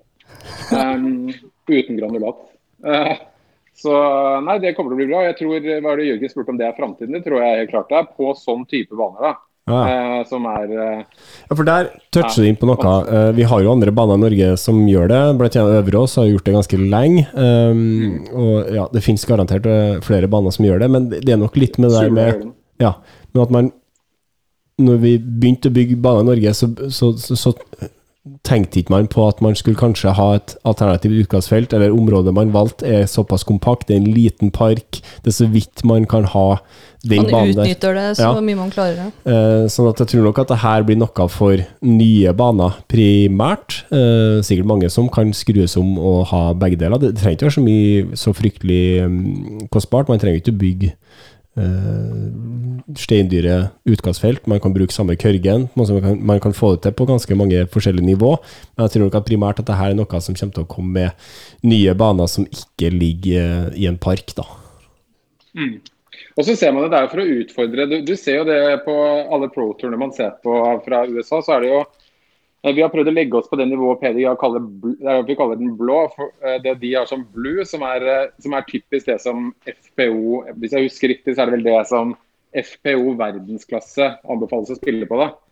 Og det er eh, snitt altså Det er vel at par skal ligge på ca. 9,35 eller 9,50. Jeg husker ikke akkurat. Men, eh, men eh, jeg tror jo hvis man skulle hatt en Disc Golf Pro Tour Hvis de Disco Pro Tour-folka hadde kommet på Krokål og skulle bestemt hvordan FPO-utklassen skulle vært, så er jeg ganske sikker på at de hadde spilt blå og MPO hadde spilt gull. Mm. Um, det, det vet jeg ikke noe om, men jeg, jeg, jeg vil eh, tro det. For det er, ikke noe, det er jo ikke noe et hull som, hvor, du, hvor, du på en måte, hvor du skal drive 150 meter da, først. Så kan du lage et veldig mye bedre hull. Um, det er ikke sånn at et hull, fordi at et hull er kortere, så er det dårligere. Eh, det, bare, det bare er til en annen gruppe, liksom. Mm. Um, og de kan være minst like gode. Og ofte kan jo uh, de dame- eller FPO-utkastene være lenger for så vidt enn de bare med høyere par enn eh, MPO. Også. Helt klart. Nei, Jeg gleder meg skikkelig til å komme og prøve deres blå sløyfe. og gleder meg til det kommer flere sånne baner. Eh, for det er helt klart veien å gå å ha baner med flere utkastfelt, og at man Det trenger ikke å være amatør eller dame. altså Det er bare et alternativt uh, alternativ eh, sløyfe, da. På samme Det har et Uh, det er litt sånn estetisk greie. Jeg syns ofte ikke det er så pent. Uh, at du, når du ser et, en flyover eller et bilde, så ser du tre tier og tre kurver på samme bilde. mm. Eh, så vi har, å, vi har brukt veldig mye tid på å prøve å gjøre tiene skjult fra hverandre. sånn at Når du står på en blå tid, så skal du aldri se en blå-tid. Og Mm. motsatt. Du skal helst akkurat se dem, sånn at de ikke er i trafikk for hverandre. Men at du fortsatt eh, beholder liksom det pene preget i naturen. da, At ikke de er så prangende på hverandre. Um, og de um, Ja. Eh, for det er et sånn underkommunisert viktig del av banedesign, syns jeg er estetikk. At det ser pent ut også. Vi har jo en tendens til å trekke paralleller til golfen, og i golfen så er det ganske vanlig å ha to utgangsfelt. Og tre. Tre. Ja, det er vel på alle, alle baner, Ja, nesten. Ja. det funker fint. Det funker fint. Da, Jørgen, har vi svart, håper vi. Håper du er fornøyd, men fortsett å sende inn spørsmål. Da Gjør det. skal vi over til eh, slutten, eh, der alle i panelet, som jeg velger å kalle det, har fått utfordring om å komme med en hot topic til, til bordet. Vi kan begynne med vår gjest, Ola. Hva er din hot topic? Eh, du, det, det kom litt eh, bardus for meg, så jeg prøvde gjennom samtalen å tenke på noe eh, Det er ikke så veldig hot akkurat, men det er bare en ting som irriterer meg litt. Det liker vi. Eh, og, og det er eh, In the Bags-videoer. Eh, når man ser eh, det, var, Hvilken var det jeg så på? Det var den en eh, Jo, en Jeremy Colling in the bag. Så ser du på det, toppsponsa spillere fra eh, de største teamene. og Så ser du de har en in the bag. Og deres jobb er først og fremst å selge mer disker for de de blir sponset av, skulle man tro. Og så er det så mye disker som ikke er mulig å kjøpe i de bagene. Eh, Jeg bare synes det er sånn det er en merkelig greie i Discgolf. Hvis jeg hadde eid Innova eller Discmania eller hvem det skulle vært, så hadde jeg helt klart hatt som krav at eh, de diskene man skal spille med, eh, det skal være nye disker. Tror Altså minst to, maks to år gamle. Da. Jeg synes det er en merkelig ting å se på. Eh, Se at Jeremy Colling kan sitte og snakke om en uh, Eagle, da, for eksempel, og at ja, de kan, det er bare gamle ting han skal fra 2008. CE Plastic. Ting du ikke får tak i lenger. Da sier han jo ikke engang mellom linja, sier nesten rett ut da det som lages nå, ikke er bra nok for han. Jeg bare, jeg skjønner ikke at Tror, tror du dette her er en sammensvergelse altså for å få opp uh, hypen rundt uh, spesielle disker og uh, det som vi snakka om i stad? Nei, absolutt ikke. Jeg tror tvert imot så var det sånn da Paul Macbeth var hos Innova, og hos Discraft er det jo ikke så mye hype på gamle disker, men, eh, men da Paul Macbeth var hos Innova, så kastet jo han bare nytt. Han, med noen få unntak så var det jo Han hadde jo alltid stockstamps ja, ikke alltid stockstamps, i hvert fall stokkdisker som var uh, mulig å få tak i. Og det var jo så fett. Jeg synes Det var en sånn kul greie med at det var liksom, ja, han, uh, Ola Nordmann kan gå og kjøpe de diskene han vinner VM med, kan de kjøpe i butikken. Mens um, veldig mange andre det er vel kanskje, Når du ser på en uh, Discmania in the bag, så skal du liksom ha ja, du må ha second run FD, liksom. fordi Hvis ikke så er du helt sjanseløs. Og du må ha 13. run PD. og Um, da er det ikke rart at prisene blir sånn som det blir heller, for så vidt. Men jeg bare det, Jeg syns egentlig sånn disk-nerding er veldig kult. Og Nate Sexton, som jeg samler på diskene til, han er jo verre enn noen dem. Kaster jo bare dyre disker. Men, um, men jeg bare syns det er så rart fra en produsentsperspektiv at de ikke sier, når de signerer disse kjempekontraktene, at de sier at uh, du må kaste det vi selger. Det er liksom så enkelt som det. Det er, det er jo ingen andre bransjer er det der, hvor man holder på sånn som det der. og bare ja, Du må ha ting som ikke Hva, hva det? Jeg liker at du fyrer opp mens du forteller om. Jeg, jeg må si jeg setter pris på autentisiteten. At jeg føler at det er ekte. Altså, det er ikke tilgjort, det er ikke staged. Uh, det er ikke gjort fra et salgsperspektiv at han er sponsa for å selge mest mulig disker. Nå skal jo sies at uh, han, har jo en, han har jo en signaturdisk som han pusher. Uh, Thunderbirden. Så har du f.eks. Eagle. Sine bager er jo ofte sånn at det er den sjuende rønnet andreopplaget som er best, som er umulig å få tak i. Men så har han jo én til to signaturdisker i tillegg, som på en måte Men de bruker den jo ikke. Da, når du ser de Spesielt i Eagle er et godt eksempel. for Du ser de der, de der preseason in the bagene. Så er det sånn, ja, her skal jeg kaste denne disken som er laget av Yikun eller Latitude. Bare, det er staple in my bag. Og så ser du på neste To måneder etterpå så ser du på runden så bare De diskene er jo ikke der. Han kaster det derre ND5 og Innova Max og Det er en fyr som, som har kjøpt liksom, opp hele lageret og selger til doble pris. Derfor får vi det. Men det er faktisk et godt poeng i det der. Altså, at det, er jo, det er jo noe um, sjarmerende med at de sier det de mener, og ikke det som de får betalt for å si. Ja. Um, men jeg bare Men jeg skjønner fra et sånn produsentperspektiv så må jo Philo Brather være helt himmel. Pusher rock, T-bird, ja. Firebird og Destroyer. ja, bortsett fra at han uh, predikerer vel at du aldri trenger å kjøpe nye disker, for du skal bare slite ned de du har. Ja. Det er ingenting som er, ingenting som er bra nok her. Nei, det var eh, Jo, faktisk, jeg er ikke sånn super Paul McGreth-fan, men han er, eh, han er et prakteksempel. Ja, han har alltid for meg framstått som en som på en måte liker å teste nye ting og utvikle nye disker og mm. Ja, ikke så opphengt i Altså Men det handler jo litt Han for så vidt de der aviarstampa destroyerne til 20 eh, 000 kroner, da, men det var jo stampet først og fremst. Ja, ja, det var jo selve disken. Ja, han gjorde jo sin greie. Ja. ja. Men eh, så det var min lille Det var uh, mitt lille hot take. Ja, nei, men Det var kult at man tok uh, produsentperspektivet. Ja, det var det. Det er ikke ofte man uh, hører. Skal jeg ta min? Ta din, du. Bam! Det her har irritert meg lenge, og det irriterer meg at det irriterer meg. Uh, og det har noe med skriftspråket vårt å gjøre. Uh, jeg har så lyst til å kommentere hver gang noen skriver det her feil. I min bok, da. Feil i min bok. Men jeg, jeg må bare liksom telle til ti hver gang. Så jeg har aldri kommentert det noen plass, men jeg irriterer meg nå så inn i hampen. Og det er måten vi skriver discgolf på. Det skrives med K i ett ord, discgolf. Eller man kan skrive det på den engelske måten med C. Og da er det to ord. Diskgolf. Man skriver ikke diskgolf i ett ord med C, eller i to ord med K. Jeg, du mista faktisk fargen i ansiktet. Ja, nå fikk jeg eh, helt blodtrykk. Jeg blir forbanna. Jeg har, jeg har ingen eh, Aldri irritert meg over det. Ja, det har irritert meg. Det har det? Eh, Jeg, synes jeg er helt enig. Spesielt disk, eh, spesielt discgolf med C i ett ord. Ja, Og. Der har det vel til og med vært baner som heter det, med liksom navn på skiltet og Ja, det- eh, Men I markedsføringa til veldig proshops og sånne ting i Norge Å, fy flate, jeg blir sånn her Kom igjen, da. Det, vi, må, vi må s- kommunisere det her med én stemme. ja, ja. Nei, jeg er helt enig. Discgolf med K. Men jeg er jo veldig svak på frisbeegolf. Eh, Jeg prøver alltid å eh, For så er også svak for frolf, og det vet jeg at dere ikke er. Det er det ingen andre som er. Men, men, Det er det jo bare jeg for å irritere andre, da.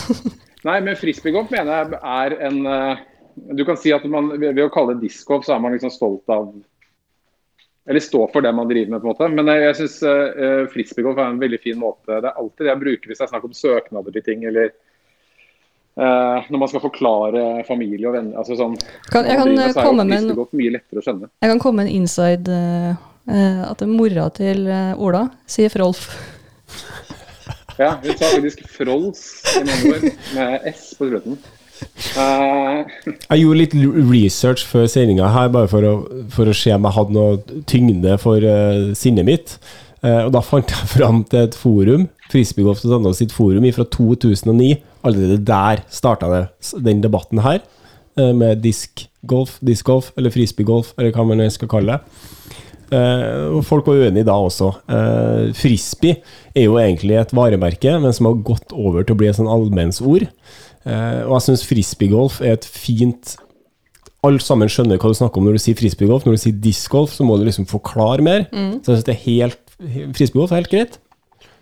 Og ikke del det i to. Frisbee golf. Eh, det morsomme er at, eh, at det stammer ifra eh, Frisbee stammer ifra ei um, paisjappe i det for Den her eh, historien her er gammel, og vi har eh, hørt den mange ganger før. Ja, men Du har hørt den før, men ikke lytterne våre. I mellomtiden skal jeg ta en fun fact om det du nevnte på det diskusjonsforumet, Lau. Ja. Og det var, Der var vel Hassimus admin. og Der er det til og med sånn at hvis du lager en bruker der og skriver discgolf med C, ja, det var det jeg skulle si. inn Ja, Ja, skulle du si det? De har lagt inn en sånn bot, så hvis du skriver discgolf med C, så blir det, publiseres det med K. Rett så- Ja. Jeg skjønner at du vi ha, ha tilbake Hasimus, ja. Men frisbee, da, eh, som egentlig ble skrevet F-R-I-S-B-I-E, det var et paibakeri i Connecticut. Eh, og fordi at eh, bakeriets paiformer kunne brukes til å kaste med, så ble da laga den første frisbeen i, i hommage. da, Vi til det. begynte å kaste paiformene først. Studentene til hverandre. Mm.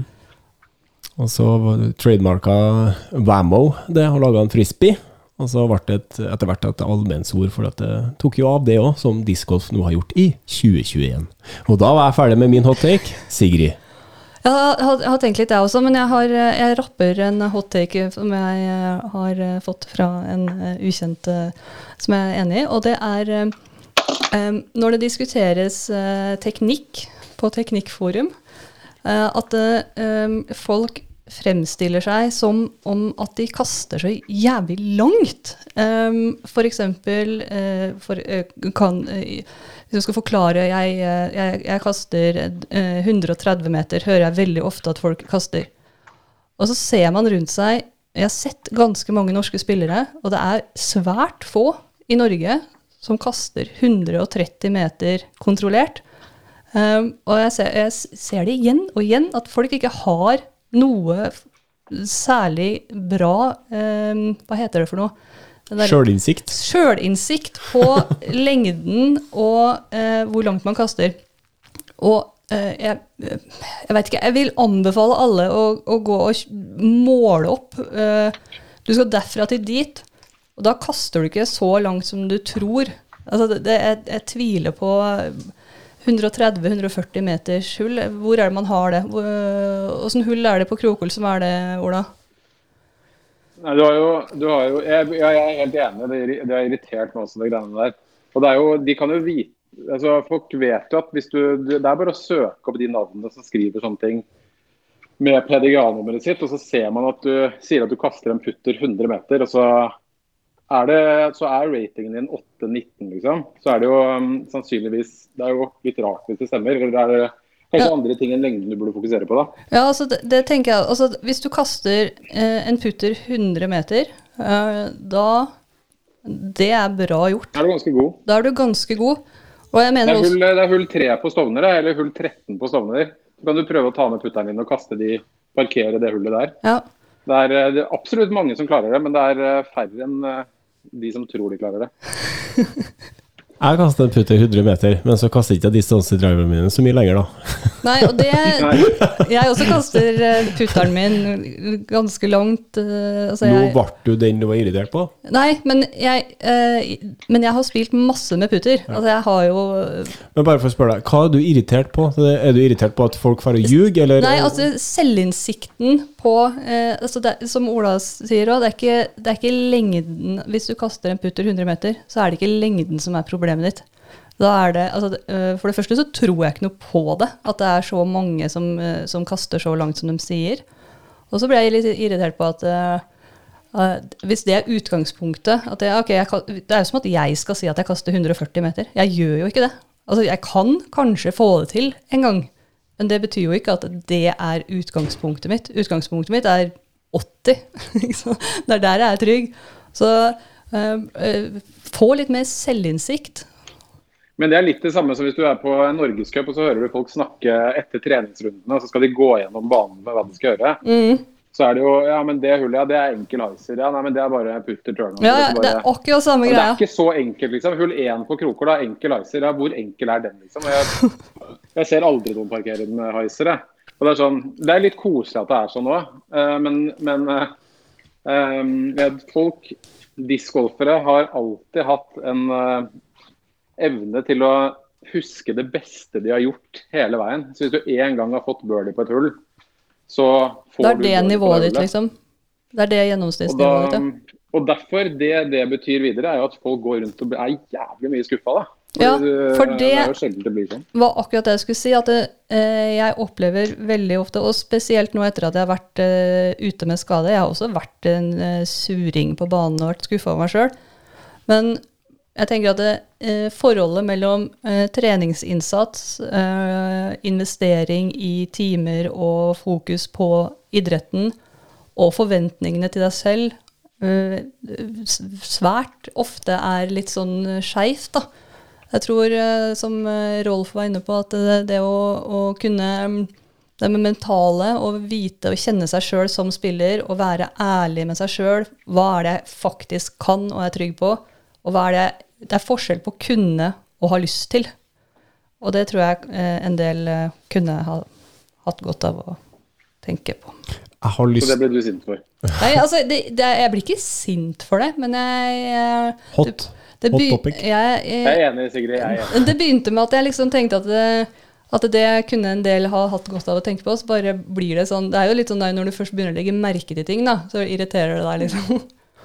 Absolutt. Jeg har Så lyst- kan de som skriver det, huske på at det er noen som leser også, og som vet hvor gode de egentlig er. Ja, Og vi ser deg på banen, så du lurer ikke meg. Nei. Jeg har lyst til å spinne litt på den. Ja, Det som irriterer meg, delvis også fordi at et frustrasjonsmoment for meg er skryting av hvor langt folk kaster. At, at, at Var det ikke nettopp det jeg sa? Jo, men la, la, la meg høre ferdig. At, at, at de som kaster langt, de blir, de blir hylla.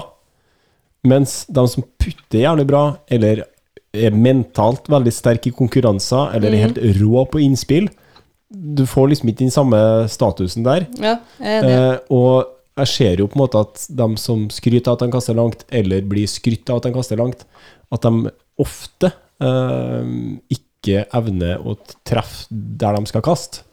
Men så blir det en sånn greie, da, at, at, at, at Han kaster jævlig langt, da. Ja, jo, jo, men at, at du du burde bli mer utfordra på at du må trene på det, også på det du ikke kan. At Ja. det, det er liksom bare lengde som er så jævla viktig. litt Og det er, skal jeg innrømme, det er et frustrasjonsmoment for meg akkurat nå, for jeg sliter maks med, med lengde. Men, men jeg har alltid stussa over det der at det skal Men, men, men sånn er det jo òg. Men det blir jo veldig målt. altså Det er veldig målbart å stå på en tid, og så Ja. kaster Ola Uh, eh, et kast. Altså, vi, vi kaster jo frisbee fordi vi syns det er digg å se Ja, ja. diskefly. Og så kaster jeg et kast som er kanskje 60% lengden. Så er det veldig tydelig sånn enkel, målbart Ok, jeg kaster kortere. Men eh, jeg kan jo slå Ola på en runde for det. Mm. Så det er jo sånn eh, eh, Jeg er enig med deg. Én En ting er det at man skryter av det sjøl, men også at, eh, at, eh, at det får litt mer fokus på ehm, det er ganske, Hvis du er dritgod på innspill fra 70 meter og inn, da, eh, så, så, så kan du redde ganske mange kriser. Og det er mye mer teknikk som ligger i et godt innspill enn i en Ja, du må tenke mye mer, og du må jo på en måte plassere deg etter vind og vinkler og øh, tjo og hei. Men igjen, vi er mennesker. Vi syns det er fett med ting som går langt, som går høyt, som lager høy lyd. Eh, Så, så jeg, jeg skjønner greia, men det er bare jeg skulle ønske at hvis man har lagt ned kanskje 20% av den treningsmengden man har brukt på lengde, da, i en annen del av spillet sitt, så har man kommet til å ha mye kjappere progresjon i spillet sitt. da. Mm.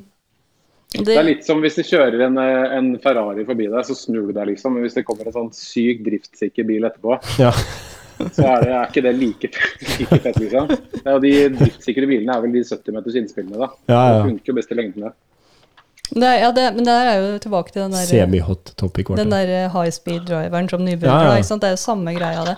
At, man, øh, men, øh, at vi bør Ok, kom med noen som er skikkelig god på innspill, da. På tampen. Hvem er det som er dritgode på innspill? Sigrid Sandum.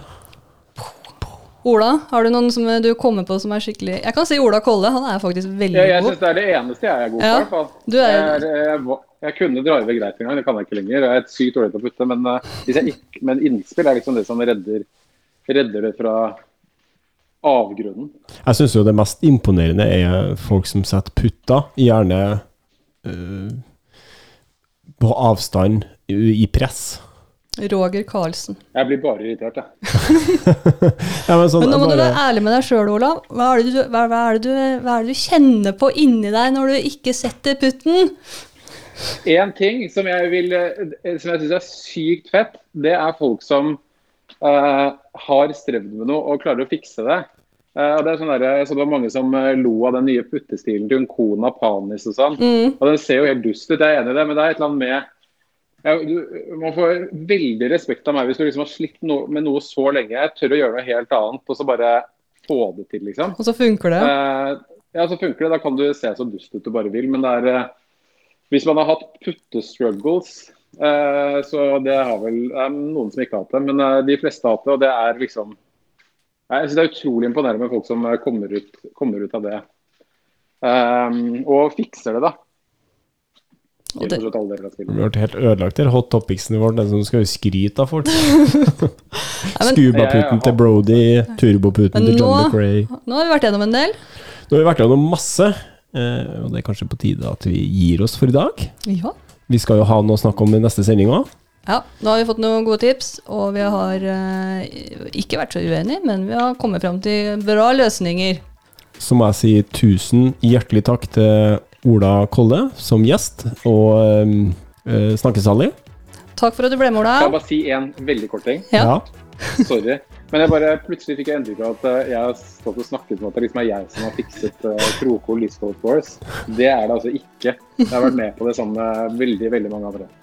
Så da skaperen av Krokol Disco Golf Course, vi takker for uh, gjest, uh, gjesteopptreden. Uh, ønsker dere eh, begge to en flott framtid. Fin pinse. Fin pinse. Takk for deg, Live. Takk for meg. Takk Vi- for deg, Sigrid. Takk for deg. Hei. Ha det. Lykke til med allergien. Ha det.